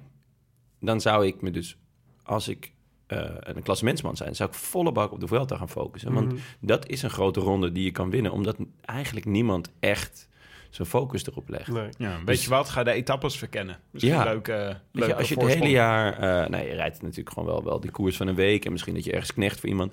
maar dat je gewoon echt zegt van... nou, de Vuelta, die wil ik winnen. Ja. En, en dat was natuurlijk ook het plan hè, van Kelderman Mm. eh, dit jaar. Dus met, eh, met verkenning en eh, weet ik wat. Maar ja, door zijn blessures kwam daar, is er- kwam daar roet in. Ja. Maar ja, ik, ik snap niet waarom niet meer... eh, eh, ja, een beetje de, de subtoppers... De, de, subtoppers, toppers... eh, dat vaker doen. Het zou slim zijn. Ja. Nou ja, Mollema hebben we het al over gehad. Kruiswijk heeft natuurlijk gewoon een fantastische Vuelta gereden. Echt een petje af na een... eh, wat was hij? Vijfde in, de, vijfde in de Tour. En dan vierde in de Vuelta. En is nu dus ook de, de enige Nederlandse renner... die in de top 5 heeft gereden in, de, in alle drie de grote rondes. Ja. Dus die kan niet in zijn zak steken. Maar hij zei zelf ook al... Ik zou, die zou, ik zou dat zo inleveren voor één podiumplek. Ja. Wat ik dan ook alweer snap. ja, op zich, als je kijkt, vijfde in de Tour, vierde in de Vuelta... dan zal hij derde in de Giro worden, toch? Ja, denk- eh, mijn gedachte was... Eerste gedachte was... Ja joh, dat komt wel. Ja, Het gaat er natuurlijk nog gewoon een keer gebeuren dat hij... Ja. Ja. ja, kijk, ik weet niet of dat hij nog een grote ronde wint. Ik hoop het wel. En ik denk zeker dat, hij die kans, dat er de kans is. Maar het podium lijkt me redelijk... eh, staat redelijk in de sterren geschreven, Maar volgens mij. Ah, ik denk, dat- hij mag sowieso toch gewoon heel erg gelukkig zijn dat, dat die vorm van 2016 er weer is. Mhm. Want in 2016 was hij zo belachelijk goed. Reed hij iedereen aan gort. En ja, totdat hij zichzelf aan gort reed in die, in die ijswand. Maar daarna was het toch wel een beetje het gevoel van een one-day fly. Ja. Wat kwam natuurlijk vorig jaar negen in de Vuelta. Ehm, en eh, in de Giro moest hij uitstappen, geloof ik, toen hij tiende stond, denk Mhm. ik, zoiets. Ja. Maar dat waren... eh, eh, het, het stond niet in vergelijking met wat hij toen die Giro liet zien. Nee. En nu, ik denk dat het voor hem zelf ook een enorme opluchting is, is dat het wel gewoon allemaal eruit komt. Zeker. En dan is het misschien ja, niet zo goed als toen in de Giro, maar wel ja, gewoon dat hij echt meedoet met de toppers. En daarnaast heeft hij ook nog ehm, het gekoppeld inmiddels aan een heel leuke opvatting van, van, van de koers. Hij valt gewoon aan. Mm. Als hij, als hij denkt van nou ja, dit is het moment, dan gaat hij gewoon. Ja, alles of niks. Maar op een gegeven moment wel- met jouw opmerking dat hij nu meedoet met de toppers. Ik had meteen het beeld van de Amsterdam Arena. Het leek me, dat lijkt me wat hoog gegrepen voor Steve. Maar ik, ik heb er wel moeite mee met hoe ik er precies op moet reageren. Want afgelopen zaterdag is hij gewoon zijn podiumplek kwijtgeraakt. ja. En dan gaat NOS gaat ogenblikkelijk in standje hoed af voor wat hij gedaan heeft. En eh, we moeten dit niet relativeren. Hij heeft hartstikke goed gedaan. En eh hier moeten we trots op zijn. Dit moeten we koesteren. Ik ben daar dan nog gewoon nog niet klaar voor. Ik ben dan nog, ik zit nog in fase Nog te teleurstelling. Ja. En iedereen doet maar zijn hoed af. Er moet ook de hele tijd hoeden worden afgezet voor, je, voor, voor, we in Baskeland waren. maar het is toch gewoon... eh, we hebben een fantastische generatie Nederlandse wielrenners. We leggen het elke keer af tegen Engelsen. Mhm. Eh, we zijn eh, twee keer tweede geworden en nu vierde. Dat is toch wel echt pijnlijke plaatsen, vind ik. Ja, tweede ja. worden is een beetje pijnlijk. Vierde worden is ook een beetje pijnlijk. Gewoon dat je denkt, ik Ja. had zo graag gewonnen. Twee keer eerste en één keer dit- derde. Hoe leuk was Wat voor geweldig jaar hadden wij dan gehad nu. Maar dit is allemaal opmaten, Tim. Dit, dit, dit moeten we door om, eh, om, eh, om een gloriejaar te gaan beleven. Gelijk de Engelsen dit jaar. Ja, dat weet ik wel. Maar kijk, het punt is dus dat je gewoon... Je bent bij de sportbeleving, bij het kijken van zo'n wedstrijd... hoort ook gewoon teleurstelling. En ik vind het ook gewoon... Ik ben nog Helemaal in eens. teleurstelling als Kruiswijk vierde Nee, wordt. En dan gaan... Dan gaan, dan gaan eh, Ja, het is leuk dat je het... Ik heb een keer een podcastprijs verloren. En toen dacht ik precies zo. jij bent nog een standje Ja. teleur. Nee, jij was een Gek genoeg. standje woede, was jij. Ja, ja, dat is waar. Daar ben, daar ben je niet gekomen met Agressie. Kruiswijk. Nee, dat... Nee. Oké. Nou, dat is... Dat, ja, ik wou zeggen dat Ah, siertje, en maar dat vind ik eigenlijk helemaal kan niet. ik niet meer zien. Oké. Ehm, maar Meedoen de- is belangrijker dan winnen. Maar even, dus Mollema, Kruiswijk en, eh, en eh, Kelderman allemaal hoed af. Vooral jij, Tim. Maar ehm, wat vinden we van de rest van de Nederlanders? Deden er nog Nederlands mee? Ik vond dat Teunissen een schitterende Vuelta heeft gereden. Ja. Lindeman, nou, Teunissen stond op mijn lijstje om in de gaten te houden. Tankink, deze geweldig. Vuelta. Maarten en Bakker, schitterende Vuelta gereden. Eh, ik heb me niet gestoord aan Adi Engels. Dus wat dat betreft heeft hij ook een goede Vuelta achter de rug. Ja. Nou ja, kijk, eh, er waren natuurlijk echt... eh, nou ja, er zijn echt jongens, eh, Nederlanders, Nederlanders die... ehm, eh, dus eh, een Lars Boom. Ja. Bert-Jan Lindeman Ja, deed ja. mee. Eh, nou ja, Danny van Poppel hebben we een paar keer in de sprints gezien. Oké, Sebastian Langeveld, niet gezien. Wow, echt? Die heeft gewoon mee? meegereden. Mike Oh, Teunissen, niet gezien. Jetse Bol zat natuurlijk één keer in de, in de Thundervlucht. Grupo Bol. Ja, eh, helaas. Het was, dat werd hem niet, maar toch. Die hebben we in ieder geval gezien. Martijn Tusveld, denk ik, zal moeten hebben, eh, wat werk hebben gedaan voor Kelderman. Maar hebben we eigenlijk niet gezien. Ja, het was, eh, ik vond wat er, van wat er allemaal onder zat. Ik, was, eh, ik had wel toch iets meer verwacht van deze jongens. En Lars Boom bijvoorbeeld. Die jongen heeft gewoon geen contract hè, voor volgend jaar. Nog. Ja. Ja, moeilijk nog steeds. Ehm, Hij heeft wel soeverein de tijdrit slecht gereden om zijn krachten te sparen. Ja. ja, het is moeilijk. Ehm, natuurlijk naar die hartritmestoornissen. Eh ja, ik kan me voorstellen dat je daar heel onzeker van wordt. Ehm, Ja. ja. ja, je hart is je hart. ja, maar ga dan niet naar de Vuelta. Ja, ja, sterk punt. Maar ja, nee, ja, ik, ik vind het heel moeilijk. Ik, ik vind Boom eh, van origine een heel vette renner. Ja, ik ook. Ehm, Komt ook uit weet- veldrijden. Ja. Dan heb je bij mij al een streepje voor. Ja, ja nee, ik, ik, ik weet alleen niet hoe het, hoe het mentaal zit met hem. Want nou, vorig jaar eh, reed hij bijvoorbeeld een heel goede Binkbank Tour. En eh, was, Ja. leek hij weer een beetje terug te komen. En toen, ja, die, die problemen met zijn hart. Ja, kan me, ik Ja. kan me echt heel goed voorstellen dat dat in je, in je hoofd gaat zitten. Ja. Dat je de hele tijd ook gaat voelen, gewoon fysiek, van eh, klopt het allemaal? En, en eh, ja, hoe is het ritme? Ja. Maar ik zou wel graag een keer met ze willen praten om te vragen ook of we nou... eh geef ze dan op een gegeven moment ergens thuis de Vuelta op? Of is het echt zo moeilijk om één van de ritten een keer in de finale mee te zitten? Want Mollema lukt het gewoon 32 keer deze Vuelta. Ja. En waarom is het dan voor al die, voor de types die je nu net allemaal noemt, die echt allemaal eh, mee kunnen doen normaal gesproken, die Ja. goede ontsnappers zijn, Ja. die, die hebben we gewoon niet gezien. Nee, ja, dat is een hele goede vraag. Ik denk dat het heel moeilijk is om in een goede ontsnapping te zitten. En ik denk dat zeg maar, de types als Mollema en De Gent, dat zijn gewoon echt toprenners. We- echt wereldtop. En die lukt het omdat ze de, de goede vorm hebben. En omdat het dan, dat je dan op een gegeven moment in zo'n soort flow zit. Dat, je dan, eh, Ja, dat en, het dan lukt. En maar. iedereen kijkt ook naar jou. Hè? Dus op het moment Ja. dat je zelf gaat, of Ja. dat er een groep gaat, dan eh, zitten gelijk alle andere kleppers, die zitten ook het van... is een hey, beetje de lekker- self-fulfilling prophecy. Ja, van hey, lekker ze gaan, oké, dan ben ik erbij. Ja. En omdat er dan ook ja, veel klassementsmannen denken van... oké, die, die gaan weg en die zijn, dat is ook niet erg. Mhm. Laten hun maar rijden.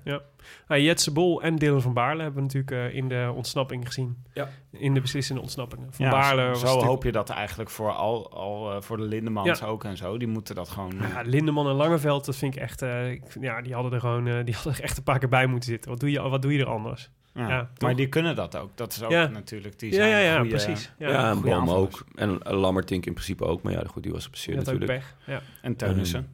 ja, ja. ja. Ja, die ja, is die nog is nog contract wat- binnen, hè? dus verandert toch de dynamiek. Ja, misschien. is ook nog wat jonger, dat scheelt ook wel. Ja. Van Baarle was wel het, eh, het meest dramatische moment van deze Vuelta, vond ik. Ja. Dat is wel echt... eh, Dat je na de finish valt door een of andere knakenraper. Nou ja, uit- dat was dus degene die, erover, die over de veiligheid van de renners op het parcours ging. Echt? ja, Oh, dat heb ik helemaal gemist, ja. ja het, het was, het was gewoon Hij is letterlijk over de koersart heen gereden. letterlijk, letterlijk de functionaris die ervoor moest zorgen dat het veilig zou zijn voor de renners. Dat ging die ook doen, zeg was maar, de het parcours vrijmaken. van Gezondheid. Eh, van gezondheidszorg. Ja, echt waanzinnig. Maar het is wel heel, heel naar. Want Dit hij, kan dus- alleen maar in de Vuelta. want hij was gewoon, hij was top. Hij won, ik had hem eigenlijk al opgeschreven dat hij hem ging winnen, zeg maar. Maar hij werd, de eh, Vuelta die- of die etappe? Nee, die etappe. Genier, die, ging hem, eh, die bleef er nog net voor. Ja. Maar eh, ja, en vervolgens... eh, want hij mist dus en het WK tijdrijden nu. En de rest van de Vuelta. En dat was natuurlijk ook al... Eigenlijk die Vuelta was natuurlijk ook al wel... ehm, hij had de tourselectie net op een, eh, echt op een haar na gemist van Sky. Nou, dat was natuurlijk eigenlijk die je voor Sky had willen rijden. Ja. Dat was, ja, dus het is eh, een zuur einde van zijn seizoen, hoor. Een Floortje beetje- Makai ook, hè, valpartij. Ja. Dat is ook, ze zitten met z'n tweeën in een lappenmand. Ze hebben een relatie met elkaar. Zijn vriendin, die was ook gevallen. Echt? Ja, dus ze zitten nu met z'n tweeën, Floortje Makai. Ze zitten met z'n tweeën in lappenmand. Nou, wel gezellig. Ja, het is wel Als je dan even toch bent, eh, dan maar beter met z'n tweeën. lekker Misschien, Bintje- misschien een gekke vraag, maar eh, wat, wat moet hij eigenlijk bij Sky? Van Baarle. Ja, wat, Ja, wat eh, lekker. Sky heeft Nou ja, helemaal twee- niet een indrukwekkende klassieke ploeg. Nee, nou ja, dus lekker vrijheid in het voorjaar. Met, Ja. met, eh, met zijn vriend Quia. en dan, en dan ehm, eh, een van de grote rondes als, als goede knecht rijden. Dat, denk ik. En veel knaken verdienen, hoop ik voor hem. Ja, nee, dat sowieso. En, Dat zou mooi zijn. En een mooi shirt, hè? Moet je ook niet uitvlakken. Een mooie tijdritfiets. ja, hij komt van Education First. Vind ik, vind ik een stuk mooier. Je had nu ook fluor om de schouders kunnen hebben. Ja. Dan had hij eh, waarschijnlijk die, eh, die jongen, die, die ronde, ronde actie wel gezien. Maar we hadden nog een aantal eh, renners opgeschreven die we speciaal in de gaten gingen houden, deze koers. Ja, de drie B's van Jonne. Ja. Boegman, Benoot en Bouhanni. Ja, ehm, laten we beginnen bij Boegman. Ehm goede eerste week. Ja, Eh, hij begon een hele goed. goede eerste week. Hij Echt. stond een tijdje tweede volgens mij Ja, zelfs. derde, tweede, Ja. derde. Echt goed. En daarna eh zwakt het allemaal wat af. En dat is niet zo heel gek. Hij is nog jong. Ehm, ik weet niet hoe goed hij nou uiteindelijk is of gaat worden. Maar ehm, hij krijgt veel vertrouwen van Boren. Hij was echt kopman. Terwijl eh Formelo en Maika ook meereden. Mhm. Ehm nou, goede eerste week. Ik vra- vraag me een beetje af of hij, of hij de lengte aan kan. Wat dat betreft, hij is even oud volgens mij als Mas. Ja, Ja, dan, dan baal je. Ja. Lijkt mij als, als, als je boegman bent. en Miguel want, want- Lopez. ja, want, want Mas, eh, die had ook een goede eerste week. En, en ze reden een beetje eh, samen. En ik, ik, ik schatte ze vooraf ook ongeveer even hoog in. Ja. En ja, dan wordt Boegman twaalfde. Die- Hij werd gewoon steeds minder. Ja, terwijl als je 23 bent en je wordt 12 in de Vuelta, dan eh, is het Prima. gewoon prima natuurlijk. Ja, zeker. En bovendien is hij nu nog prima te betalen voor Sunweb, denk ik dan. Dat was niet zo geweest als hij het podium had True, gehaald. true. Ja, eh Bouhanni, keurige etappe gewonnen. hè? Zeker. eh, en niet gevochten, dat is ook wat waard. Niet gevochten, heel vaak laatste geworden. Ja. En tussen al die laatste plaatsen... Ja, serieus, echt een rode lantaarndrager. Ja. Heel vaak laatst geworden. En dan tussen eh, het laatste worden door ineens een etappe winnen. En eh, toen... eh, Wat een rare renners. ja, en de dag daarna weer laatste geworden. En toen naar huis. Ja. Hij dacht, dit was de laatste keer. Het was echt... eh, Ties, eh, Ties had eh, natuurlijk last van een, een diepe vleeswond. Ja. Een van de weinige valpartijen toch in, eh, in, Ja. de, in de Vuelta. Het was, eh, Ja.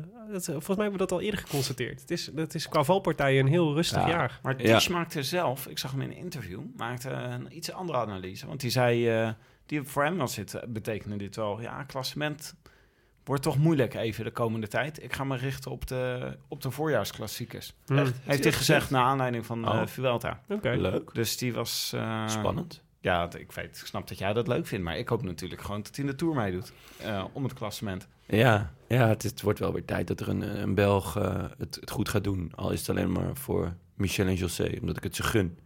Ja, maar, ik denk ja, dat... ik eh, hou wel van de voorjaarsklassiekers. eh ik vind, Ja. vind het wel fijn als van hij de daar... Wouwer, daar zijn we naar op zoek. Ja, Maar weet je wat het is? Ik- Ik denk dat die Vuelta, ook omdat het een soort plek testing... 11. eh, hm? ja, Kurt van der Wouw die had altijd een abonnement op plek 11, toch? Ja, maar dat is, ja, je kent toch het verhaal van Koert van der Wouwer en ik geloof de Tour van 95 of zo? Dat, ze de, dat eh, alle renners die voor hem stonden later betrapt zijn op doping, Oh. behalve Koert van der Wouwer. Dus dat eigenlijk, als je... Echt? All, zeg maar, dat je eigenlijk moet zeggen dat Koert van der Wouwer die Tour heeft gewonnen. Ja. Oh, wat vet zeg. Of hoezo heeft Koert van Wouwer Maar- nooit bekend. Maar Ja, jij was iets aan Nee, het zou- sorry. dat ik praat er doorheen. Stel, maar de Vuelta is een soort testgrond natuurlijk voor mensen met klasse mensen aspiraties. En ik denk dat er best wel wat mensen met een identiteitscrisis deze ronde uit zijn gekomen. Want ik denk dat dit voor Kwiatkowski geldt. Ik denk dat het voor Boegman geldt. Ik denk dat het voor Benoot geldt. Ja, denk je dat Boegman eh, eh, nu denkt, dit, dit gaat hem niet meer worden? Nou, ik kan me, ik kan me niet voorstellen dat je bij Team Bora veel... eh, bij Team Bora Hand Grohe veel krediet krijgt om het nog een keer te proberen. En dat er dan wel een Nou. beetje de vraag is van wat ga je Het precies is wel doen? een Duitse ploeg, hè? Ja, dat ze een Duitser En- willen als... eh, Ja, ik, ik denk dat hij echt nog wel de tijd krijgt om te groeien, hoor. ja, ja, maar dat ze toch een beetje af. Misschien gaat hij zich dan nu op de ronde van Romandie en zo richten. De kortere koersen. Het zou best kunnen. Ja, Ja. en Benoot. En, eh, en De La Cruz, die misschien moet concluderen dat hij niet de ideale kopman voor Sky is. Ja, of wat denk je van Richie Port? Na deze is het nu gewoon eh, is het afgelopen voor hem? Eh, want dit is toch weer een jaar van teleurstellingen. ja, Heeft hij me uitgereden eigenlijk? Of ja hij een- zeker. Hij was vandaag in beeld. Hoeveel is hij geworden? Toen schrokken eh, Michel en José schrokken allebei wakker. Ik zei, hé, oh ja, ik was hem alweer vergeten. Ja. Ja, ergens in de 50 of zo. Echt bizar. Ja. En, eh, maar ik denk, Maar ook in heel- zekere zin ook was dit ook voor Valverde een rare Vuelta. Want Mm. het, is voor, het leek alsof hij aan het eind van zijn carrière gewoon heel goed ging worden in de punch finish en de eendagskoersen. Maar nu heeft hij weer een hele goede Vuelta gereden op één dag na. Mhm. Gaat hij dat nou volgend jaar weer doen? Ja. Want als je ouder wordt, kan je ook niet meer gewoon op alle paarden blijven wedden. Nou ja, lukt hem Valverde vooralsnog vrij aardig. ja, waarschijnlijk wel. Ik wou net zeggen, heb je zijn, uh, zijn de palmares van dit jaar weer eens bekeken? De bevestiging heeft gekregen dat hij gewoon prima op alle paarden kan wedden. Ja, daar gaan we nog Ah, veel van horen hoor, Valverde. ja, ja. Schrijf, schrijf maar op. Ik zou hem opschrijven voor de volgend jaar eh, Grand Prix eh, Peter van Petergem. Oh, ja, Die inderdaad. staat nog niet op zijn palmarès. Dat hij het stokje overneemt van. Mooi Nou, ik denk dat eh, Movistar... Ik denk dat Movistar komend jaar gewoon met Landa als kopman gaat starten... voor de grote rondes. Of, eh, of met Mas. Ja, ja dat werd, er was even sprake van. Dat hij, eh, ja, het zou kunnen hè, dat eh Lefebvre hem nu niet meer kan betalen, Mas. Ja. Maar ja, ik weet het niet hoor. Ik denk dat alles... eh, Is hij einde contract? bij Mo- nee, maar ja, wij zal natuurlijk wel iets moeten Mooi- doen. Movistar heeft natuurlijk ook nog Carapaz achter de hand. Ja, En ja, ik, eh, ik denk eerlijk dat Quintana met een identiteitscrisis deze Vuelta uitkomt. Ja. De Tour was echt, echt slecht eigenlijk, die etappe daar gelaten. Eh, maar voor het salaris wat hij verdient, de status die hij heeft... en dan ja, nu ook weer... Hoeveelste wordt hij uiteindelijk? Ik weet het niet eens. achtste volgens mij. Zoiets. Achtste, ja? Eh, deze Tour of eh, deze, de, deze Vuelta? Hè, maar als hij acht is geworden... hoeveel is Louis Mijntjes dan geworden? Ja, achtste. Ja, dat is een goede vraag. De- voor hem ook trouwens. Voor, voor Louis Mijntjes is het ook een... eh, Mijntjes werd 58ste. Ja, maar dit is wel gewoon... toch die achte. Ja. Ja. Hier moet gewoon psychi- psychologische, psychiatrische hulp verleend worden. Richie Porter deze. 84ste, overigens. Wauw. Hier moet nazorg plaatsvinden na deze Vuelta. Want het zijn allemaal renners die gewoon niet meer weten waar ze staan in het leven. Ja, Nee. ja. Ja het En is, dan wordt eh, het winter, dan wordt het koud en dan gaat het malen. Het is toch verschrikkelijk. Nou, het was wat een beetje volgens mij voor Quintana wel een na moment was, was dat hij op een gegeven moment met Miguel Angel Lopez voorop reed. Volgens mij was dat afgelopen zaterdag die eh, rit of vrijdag, een van de twee. Rijder. En zij haat elkaar, hè? Angel Lopez en eh, Quintana praten niet en zo. Nee. Oh, ja, En, het, was trouwens, het was gisteren, ja. En ik, eh, Quintana was natuurlijk de volksheld in Colombia. En, eh, en ik las een analyse over eh, hoe Miguel Angel Lopez eigenlijk langzaam de plek van eh, Nairo Quintana aan het overnemen is. In het hart van de Colombianen. Dus ehm, het is, het is, ook daar is de liefde danig aan het bekoelen. En hoe weet je dat, ehm, dat Quintana en Lopez elkaar niet mogen? Ja, dat heb ik ook een keer ergens gelezen. En je, moet- je Op moet... basis van ze praten niet met elkaar. Dan heeft Quintana veel vijanden in peloton. En Nee, ik, maar, ik, ja. ik hoorde ook inderdaad dat al die Colombianen elkaar niet mogen. Dus Nee. Oe- Oeran ook. Nee, en, ja, het, eh, komt, het heeft ook te maken met dat ze allemaal uit... Ze komen allemaal uit verschillende regio's en zo. En dat ligt elkaar echt heel slecht. Oké. Sowieso. Maar, Zoals ehm, bij ons ook en natuurlijk. Quintana... ja, precies. Leiden, Brabantia. Ja, hoofdstad. dat merk je. Je Ja. merkt toch de andere, het andere wereldbeeld. Is wel waar. Ehm, nee, precies. Nou ja, Boegman... Want er komt wel een WK aan waar al die jongens met elkaar... In ieder geval, ze moeten ze één moeten gesprek met met elkaar. elkaar. voeren van... Ja, ik, ik ga niet voor jou rijden. Nee, ik ga ook niet voor jou rijden. Ik ga ook niet voor jou rijden. Oké, prima. Oké, is goed. Oké, is goed. Ik, eh, ik ga... Está bien. ja, ik ga, ik, ga, ik ga naar mijn kamer. Weet je, ja. Zo, ja. Netflix kijken. Spel Ja, zonder grenzen. Hopen dat Colombia meedoet. Ik denk dat het een eh, grote stap was voor Quintana... dat hij gisteren zich gewoon liet zakken voor Valverde. Ja. Meerdere keren, hè? Ja, Ja. nou ja, Bam, daar valt nog wel wat meer over te zeggen. Over dan dat hij zich liet zakken voor, eh, voor Valverde. Want vervolgens ging hij op, het, eh, op kop van de groep rijden... waaruit Valverde gelost werd. Ja, maar dat En ging vervolgens ging hij, zag, je hem, zag je hem terugzakken. Nou ja, goed, ik wou zeggen, hij keek chagrijnig... maar Nairo kijkt eigenlijk altijd chagrijnig. Grumpy old man. Gr- Grumpy old man, ja. Een soort de boze blanke burger is het eigenlijk. Maar niet dat hij niet blank is. Maar ehm, die... eh, die ehm, en toen... eh, ze hebben volgens mij zwijgend... zijn ze samen de berg opgegaan. En er kon ook geen klopje of geen blik van waardering af... aan het einde van, aan, van allebei de kanten niet. Nee. Valverde had gisteren Er in wordt een veel interview gezwegen, gezegd... volgens jou. Nou kunnen we zien dat eh, Quintana toch een goede knecht kan zijn. Toen dacht je echt, de laatste, laatste rit in een bergen. Ja, dat is eh, ook wel echt Ja. pijnlijk. Ja, nee, ik maar ze niet- zijn wel gewoon de eerste in het ploegklassement geworden. Hè? Nou, eh, gefeliciteerd jongens. Dan zullen we... Daar, daar gaan de de fles champagne voor open vanavond. Ik- nee, ik ja, weet niet of van. Ik, ik weet niet of Quintana einde contract is, maar zouden jullie hem een nieuw contract aanbieden? Als ik eh, Movistar was... Ja? Eh, nee. Nee? Nee. Ook niet, eh weet ik veel, Nee, veel ik zou geld? proberen of- om... Nee, ik, ik zou denken... ik, eh, Carapaz heb ik achter de hand nog. Dat, die kan, dat kan wel wat worden. En ik zou proberen... Denk dat je voor de helft van het geld van Quintana eh Mas kan krijgen. Ja. En, en, en ik zou een hengeltje uitgooien naar Miguel Angel Lopez. En waar zou Quintana dan naartoe moeten? Sunweb. Verrassend. dat lijkt me wel wat. Zeker. Jij geeft gewoon op elke vraag die ik stel als antwoord Sunweb. Ja. Hey Willem, hoe is het? Sunweb. Ja, en dan zeg Oh, ik, weer, dat hè? lijkt me wel wat. Dit is hoe wij de linie sluiten. Nairo. Ik weet het niet. Of Ja. Dumoulin naar eh Mobbystar, zou dat niet wat zijn? Als ze gewoon een echte kopman nodig hebben, weet je wel? In plaats van een Tricadores of een eh, Tripoli. Een, eh, zou wel goed een, zijn voor Mobbystar. Tridente. Maar ze hebben toch uh, Jurgen Roelands gehaald nu? Dus Ja. alles komt er goed gewoon met Movistar. Ja, tuurlijk. Nee, ik denk dat dat een wereld gewoon eh, social glue is. Jurgen Roelands. Die moet, zo, die moet, eh, die moet alles gaan, eh, gaan hechten. Die moet die jongens s'avonds met op de kamer vragen en dan zeggen... jongens, zo lekker spel zonder grenzen kijken. Netflix. Jurgen Roelands als Kijk de- hoe de- Amersfoort het doet. Jurgen Roelands als de Bison Kid van, van eh, Mobistar. Ja, het lijkt Oh, me... die lijmt alles. ja. Dat is Nou, toch dat heel raar, Roelands bij Mo Mobbystar. Ah, ik vind het heel vet. Maar ik vind het ook altijd leuk als, als, als in een ploeg gewoon altijd één vreemde eend in de bijt. zoals Bark bij, eh, bij Sunweb vorig jaar. Ja. Je, moet, je moet altijd één gekkie hebben. Ja. Een Mosquera. Bij voetbal heb je de keeper. Dat is altijd een gekkie. Ja. Nou, Movistar Altijd. heeft nu Jurgen Roelands. Ja. nee, ik denk dat het eigenlijk de voice of reason is bij Movistar. ja. Ja, goed. En we hadden, ehm, nou ja, Tim, nu breekt er een leuk hoofdstukje voor jou aan. We gaan naar de voorspelbokaal, want we hadden namelijk gevraagd wie wint de Vuelta. We hadden drie vra- onze, onze luisteraars drie vragen gesteld.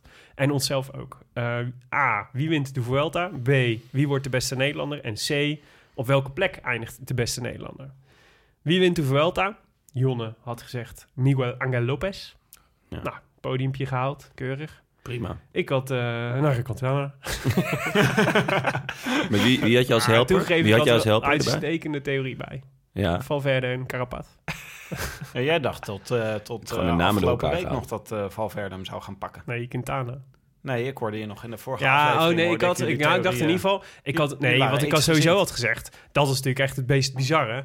Ik dacht, weet je wel, van die top drie... lijkt Valverde me de minst logisch om er doorheen te zakken. Van Yates, eh, Yates Valverde... ehm, wie stond er toen? Drie? Mas. ja. En eh Valverde was de enige die er daadwerkelijk echt doorheen is Ja. Dus maar dat nou ja, kwam ook vrijdag gingen ze boven de 2000 meter. hè. ja, dat is waar. Dat had ik weer. Ja. Het Maar was ja, echt, je kon de klok erop gelijk Het zetten. stond niet Maar in het is het routeboekje. Maar het is toch niet hoogte, het is toch de lengte van de beklimmingen waar hij niet tegen kan. Als heel lange beklimmingen, dan wordt hij op een gegeven Nee, het moment... is de hoogte. Het is ook de hoogte. Die 2000 Ja. meter is voor hem echt een, eh, echt een breekpunt. Ja. Dus die 3000 wordt helemaal eh, spektakel. Ja, boven Ja, de 3000 wordt hij dus weer goed. ja. Min. Schijnt. Goed. Maar, ehm, en, eh, maar jij, Tim, had eh, Simon Philip Yates. Dus ehm, Dankjewel, wij, dankjewel, buigen ons, wij buigen onze hoofden, nemen Ah. onze hoeden af. Ja. Dankjewel. En nogmaals excuses voor al die messen in je rug. Maar wel een overwinning voor Yates, toch? Het was, ik vind Ja, Yates... ja. Ik ben een bewonderaar van Yates. Ik vond het een schitterende overwinning. Super veel naar aanval geweest in de rode trui. Nou, in onze, in, ja, ze, absoluut. Maar in onze voorbeschouwing hadden we het, eh, hadden we het over een interview eh, uit de Cycling Podcast met zijn ploegleider. Eh, en dat ging dus over hoe zij, wat het strijdplan voor deze Vuelta zou zijn. Waar, die, waar het eigenlijk ging, eigenlijk twee hoofdpunten. Eén, proberen om je topvorm later te, in, de, in, de, in de tweede week te leggen. En niet al in de eerste week, want dan eh, is de, de, de, de glijbaan is te lang, zeg maar. En eh, twee is, ehm, eh, je moet zorgen dat je je energie spaart. En niet achter elke, achter elke duif aan probeert te rennen als eerste beste blije hond. Dus Ik dacht, waar gaat deze ja, ik moest, zelf, naartoe? ik moest zelf ook even Echt. navigeren. Een prachtig einde. Echt een prachtig einde. Eerst die glijbaan en dan die duif en dan die hond eroverheen klappen. Ja, gek. Ik stop nu ook gewoon met praten. Maar hij deed is het het. gisteren... Hier eh, moeten jullie het mee doen. Maar dat deed hij... Dat, Hij dus deed die- heeft gisteren, liet hij precies zo zich- uitgekomen. Ja. Ja, gisteren, maar werd hij er nou gisteren afgereden? Nee, hij liet zich gaan. Liet, zich, liet zich gaan. Ja, maar Hij toch passen gaan. niet bij Yates. Het heel- perfect in dit plaatje wat hij deed. Want het Ja. was gewoon het is, het is risico calculeren. Dus Ja. ik kan mezelf over de kop rijden door deze jongens meten en dan krijg ik misschien een dreun. Of ik kan nu op mijn eigen tempo naar boven rijden en ze op afstand, op binnen schootsafstand houden. Want dan, heb ik, dan ben ik eh, super veilig. Ja, Ja. maar dit is dus heel moeilijk. meer. Het is een heel moeilijke analyse om te maken, omdat, die, omdat het heel vaak gebeurt dat een van de favorieten moet lossen en dan Ja. een klein beetje tijd verliest. En dan is altijd maar de vraag van, is dit slim gecalculeerd fietsen in je eigen tempo naar boven? Ja. Wat ik bereid ben om altijd bij Dumoulin en bij Kelderman te zeggen. maar of is het gewoon dat hij moet lossen en dat je zou zeggen... hij is toch beter dan Lopez en Mas? Ja, nou, ik weet niet of hij nog beter was. Maar hij dacht in ieder geval... Volgens mij was het gewoon een hele Ja, verstandige move. Ik denk ook dat En hij wat een ik- beetje Wat ik echt heel leuk vind. Want wij waren, we hadden in de, in de voorbeschouwing een gesprek over eh, dat, we het, eh, dat we het zo super tof vonden dat hij in de Giro op alles, eh, op alles hapte wat bewoog, zeg maar. Elke seconde werd gepakt. En, eh, en het is niet dat hij saaie eh Vuelta heeft gereden. Hij heeft gewoon berekenend, berekenend gefietst. Nee, maar het is het en hij wel- ging ook nog een paar keer gewoon aanvallen de Nee, trui. klopt. Hij heeft geen, absoluut geen cijfer wat gereden. En, eh, maar niet zo spectaculair Nee. als de Giro. Nee, maar dat kan geen, dus blijkbaar niet. En dat is aan de ene kant goed. Ja. Want ja, dat geeft gewoon aan dat het ook maar mensen zijn. En aan de andere kant eh, is het ook wel jammer, want het, ja, die Giro was natuurlijk extreem spectaculair. Maar hij heeft, hij heeft gewoon een vette veld gereden en het is ook vet dat hij heeft gewonnen. Ik moet iedere keer nog aan die... eh, Echt een goede Jij zei over de, wat is het beeld van, van de Vuelta wat zal blijven hangen. Dat jij zei King versus Mollema op die berg. Maar wij, de Giro is echt ingebrand. Dat, die Mario Kart etappe Ja. van eh, Simon Yates. Die door zijn antiek Italiaans stadje aan te rijden was. Door allerlei, onder allerlei veel te smalle Ja. bruggetjes door. Achtervolgd door Dumoulin, zeg maar. Ja. Dat was waar ze nog net geen banaantjes naar elkaar gingen. Ja, Dat. Dat was echt het beeld van de Giro. Goed. Eh, maar d- het is, dat was eh, eh, props voor jou. Eh, wie wordt de beste Nederlander? Jonne, Wilco Kelderman. Ja, Nou ja, bijna. bijna. Tim, tijdperk Mollema. Ook bijna. ja, ik interpreteerde de vraag anders. Oh ja. Ja. Niet per se eh, het beste in het klassement. Nee, ik dacht gewoon de beste. Oh ja, ja. ja. En ik had Kruiswijk, dus eh, die, is, eh, die is dan een beetje voor mij. Ehm, en op welke plek eindigt de beste Nederlander? Ik had Kruiswijk op de derde plaats. Nou ja, helaas, tot gisteren hoop. Maar Ja. ja. Dat leuk geweest. Jonne, je had Kelderman tweede. Ja, Iets te optimistisch. En Tim had Niks Mollema op de derde plaats. Dus eh, net is ook niet... eh, nee, ja, ja, helaas. Voor de bolletjes trouwens, toch? Echt jammer. Maar laten we, laten we gewoon eh, ruiterlijk... eh nou, we hebben de hoed al voor je afgenomen. Jij wint met eh, Simon Philip Yates. Maar er was iemand bij de, bij de voorspellingen, die kwam er aardig in de buurt hoor. Bij de Hmm. voorspellingen onder onze luisteraars, want dat hebben we natuurlijk ook gevraagd. De Mhm. hashtag voorspelbokaal, daar kan je altijd gokken op alles wat los en vast zit, als het aan ons ligt. Thijs Slutter, die had eh, één, Je- eh, die, had, die zei Yates gaat winnen. Beste Nederlander wordt Kelderman op de vierde plek. Nou, het- ik heb verkeerde, verkeerde Nederlander, maar eh nou, komt aardig in de buurt. Zeker. En Jalt de Haan, die zei Simon Yates gaat eh, winnen na een val van Richie Port. Nou, dat vind ik toch altijd...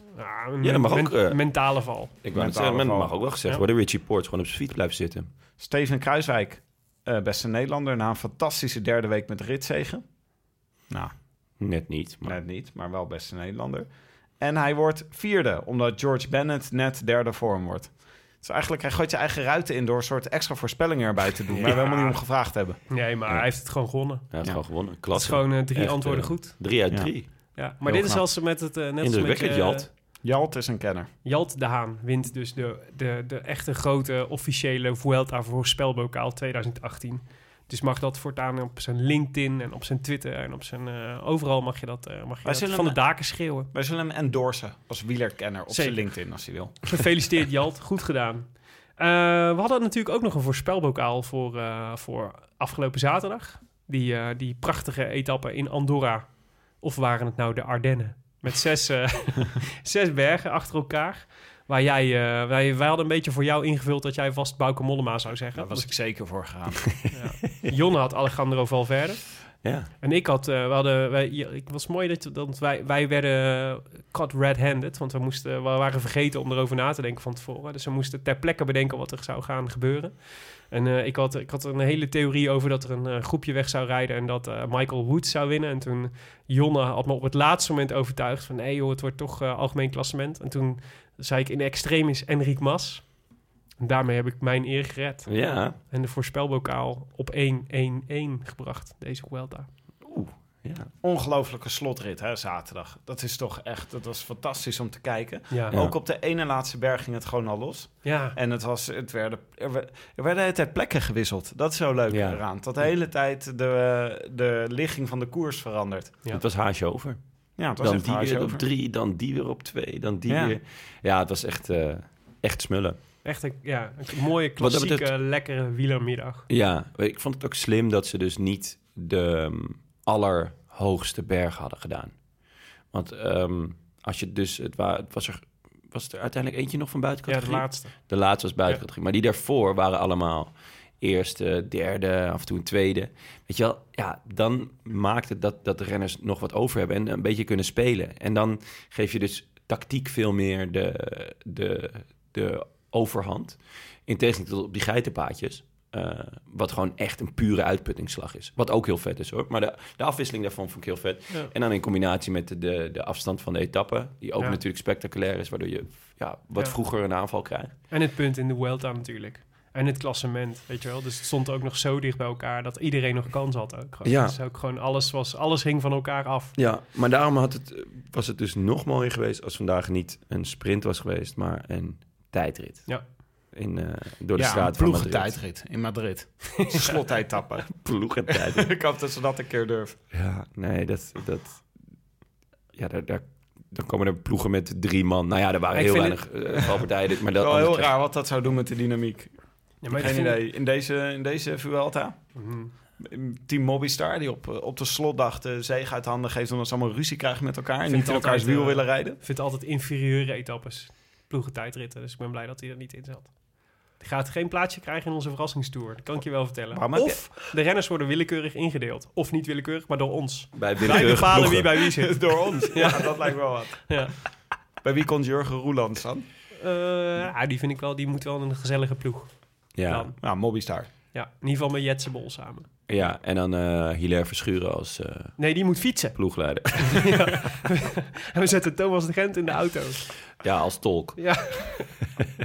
Dat zou leuk zijn. Tom Dumoulin, je mag, eh, je mag met eh, jou, jouw maatje voor vandaag is Hilaire van der Schuren. Dat ze op een tandem moeten. Ja, leuk. Maar leuk de, idee, jongens. de rode bericht gaan... vorm te krijgen, deze. Ja, Ja, en vind ik ook. Ja, dit, het, het steeds meer krijgt. ja, mooi is dat. En, en, en, eh, De en, eh, Grand Prix Rode Lantaarn kunnen we hem noemen. Waren, er waren meer mensen over die Enrique Mas hadden genoemd voor, aangest- eh, voor afgelopen zaterdag. En eh, de oplettende luisteraar zal ook hier eh, namen herkennen die vaker terugkomen. Want eh, net, als bij, eh, net als in de grote rondes is dat, eh, is dat hier ook zo. Je wint niet zomaar een voorspelbokaal. Dan moet je een kenner zijn. En dan heb je, waar zit je waarschijnlijk vaker in de goede richting. Ehm, meerdere goede antwoorden. Andreas Willemsen, Sander Kommeren, Stijn Bartelink, Nick Dijkman, Ramon Aries, Hugo Heidmeijer, Robert Hillebrand, Koen de Boiserie, Pim van Willigen, Dirk Pieter, eh, Jannik Warmerdam, Paul Lemme en Ron van der Vlist. Allemaal, ehm, Ik hoop op Hugo Heidmaier. dat is eh, jammer voor je, want die heeft niet gewonnen. Notaris Van Eyck heeft eh, Sander Kommeren tot de laatste eh, winnaar van de voorspelbokaal Ook eh, goed. in de, voor deze Vuelta gekozen. Schitterende winnaar wat mij Ja. betreft. En die wint dus de kleine Heine. Ehm. Net als, eh, net als eh, de, de, de winnaar van... eh, dus, net als Jalt de Haan overigens. De kleine Heine met dank aan Atlas Contact en uitgeverij De Muur. En hij mag de groetjes doen. En Sander Kommer heeft ons al groetjes gestuurd. Kom er maar in, Sander. Beste Tim, Willem en Jonne. Ik wil jullie even hartelijk danken voor een geweldige podcast. Ik luister er met heel veel plezier naar. En het is een eer om de voorspelbokaal gewonnen te hebben voor de laatste etappe van de Vuelta. Ehm, ik wil hierbij graag de groetjes doen aan Mark Graus. Mogen er nog veel fietsavonturen mogen volgen. Hou het vol- zo vol, heren. Tot ziens. Prachtig. Zo poëtisch altijd. Ja, Ehm, dit was hem. Dit was de Vuelta. Het is, altijd, het is ook altijd een... Vuelta is toch ook een terugmoment. Het Ja. is toch een beetje de nazit van het seizoen. En Ja. dan is er nu ineens... eh, Einde van de zomer ook. Ik heb het idee dat nu alles weer een beetje begint. Het echte leven en zo. Ja. En Willem ja, gaat nu naar veldrijden kijken vanaf nu. ja dat, ik, ik, daar kan ik me toch echt niet toe zetten. Ja. Maar we hebben het WK nog, hè? Ja, het rare WK. koers mooi toetje. Dan zijn Ja, wij er ook. En. Lombardije. Maar voor nu... Ja, ja, klopt. En natuurlijk de Tour of Guangxi. hey, Turkije. Oh, Ronde van Turkije. ja. ik zag dat eh, is- vandaag... Komt nog eh, zoveel moois vandaag eh, ging het er al op eh, in de ronde van Cappadocië. Jongens, ik probeerde hem, ik probeerde hem in te zetten. Oh ja, met het Oh, zwarte gat. Je wil Ja. ons in een zwart gat praten, maar dat Ja. gaat jou niet lukken. Het diepe zwarte gat nadert. Dit was de Rode Lantaarn, gepresenteerd door uw favoriete bankzitters Willem Dudok, Jonnes Ries en ikzelf, Tim Negier. Jonne kennen jullie natuurlijk ook als onze bevallige producer.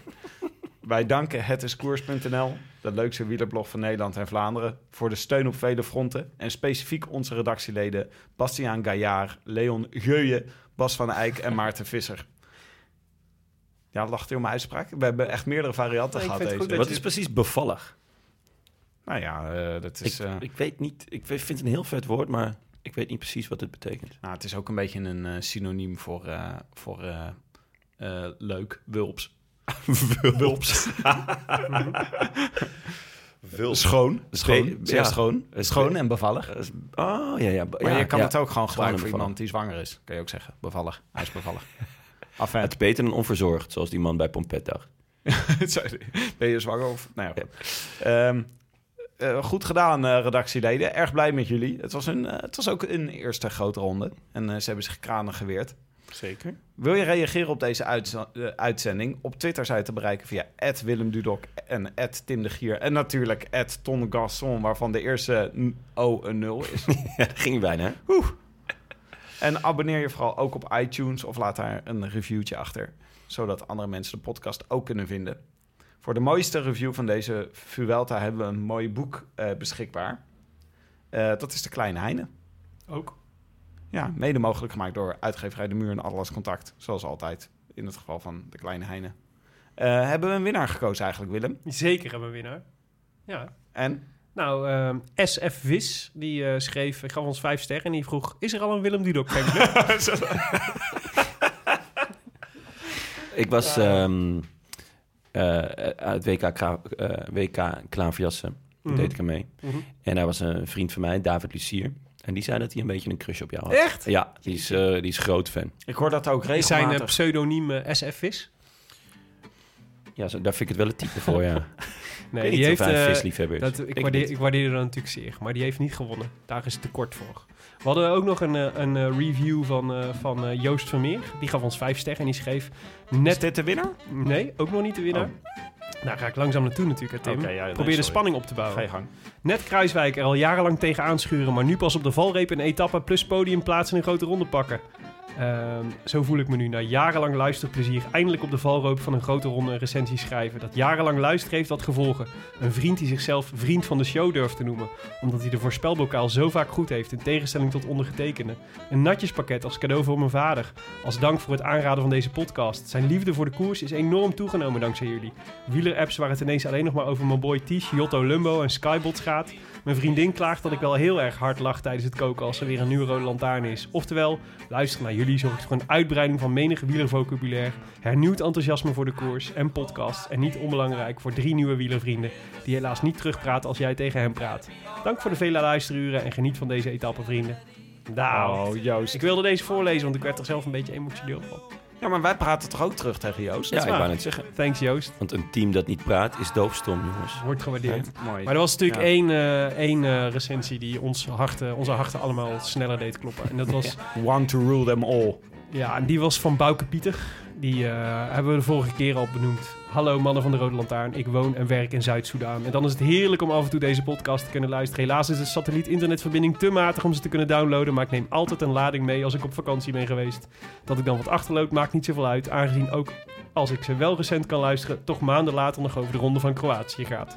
Hartelijk dank en ga zo door.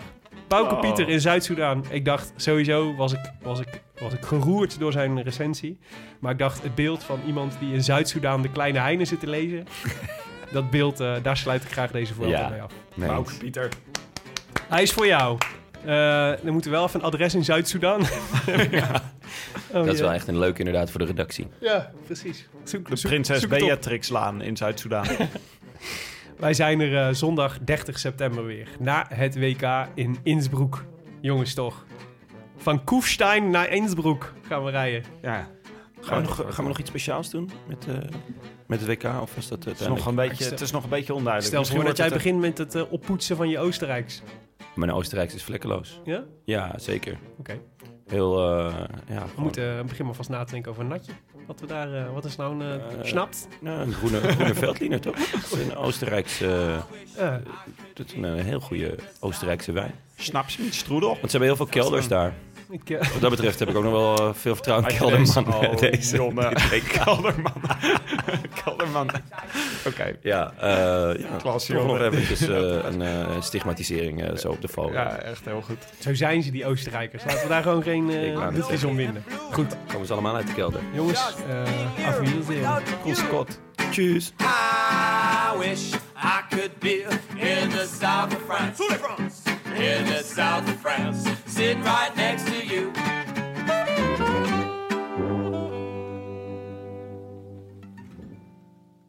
I'll give you love. The things you want. Ooh, I,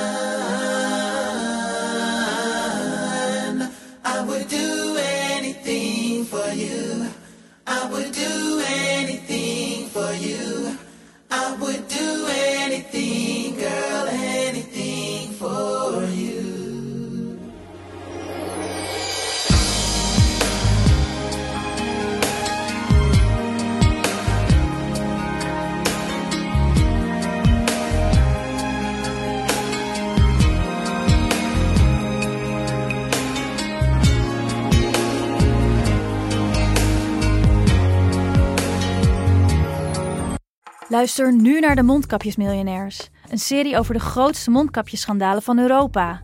Want wist je dat Siewert helemaal niet uniek is? De Mondkapjesmiljonairs, exclusief op Podimo. Ga naar podimo.nl slash mondkapjes.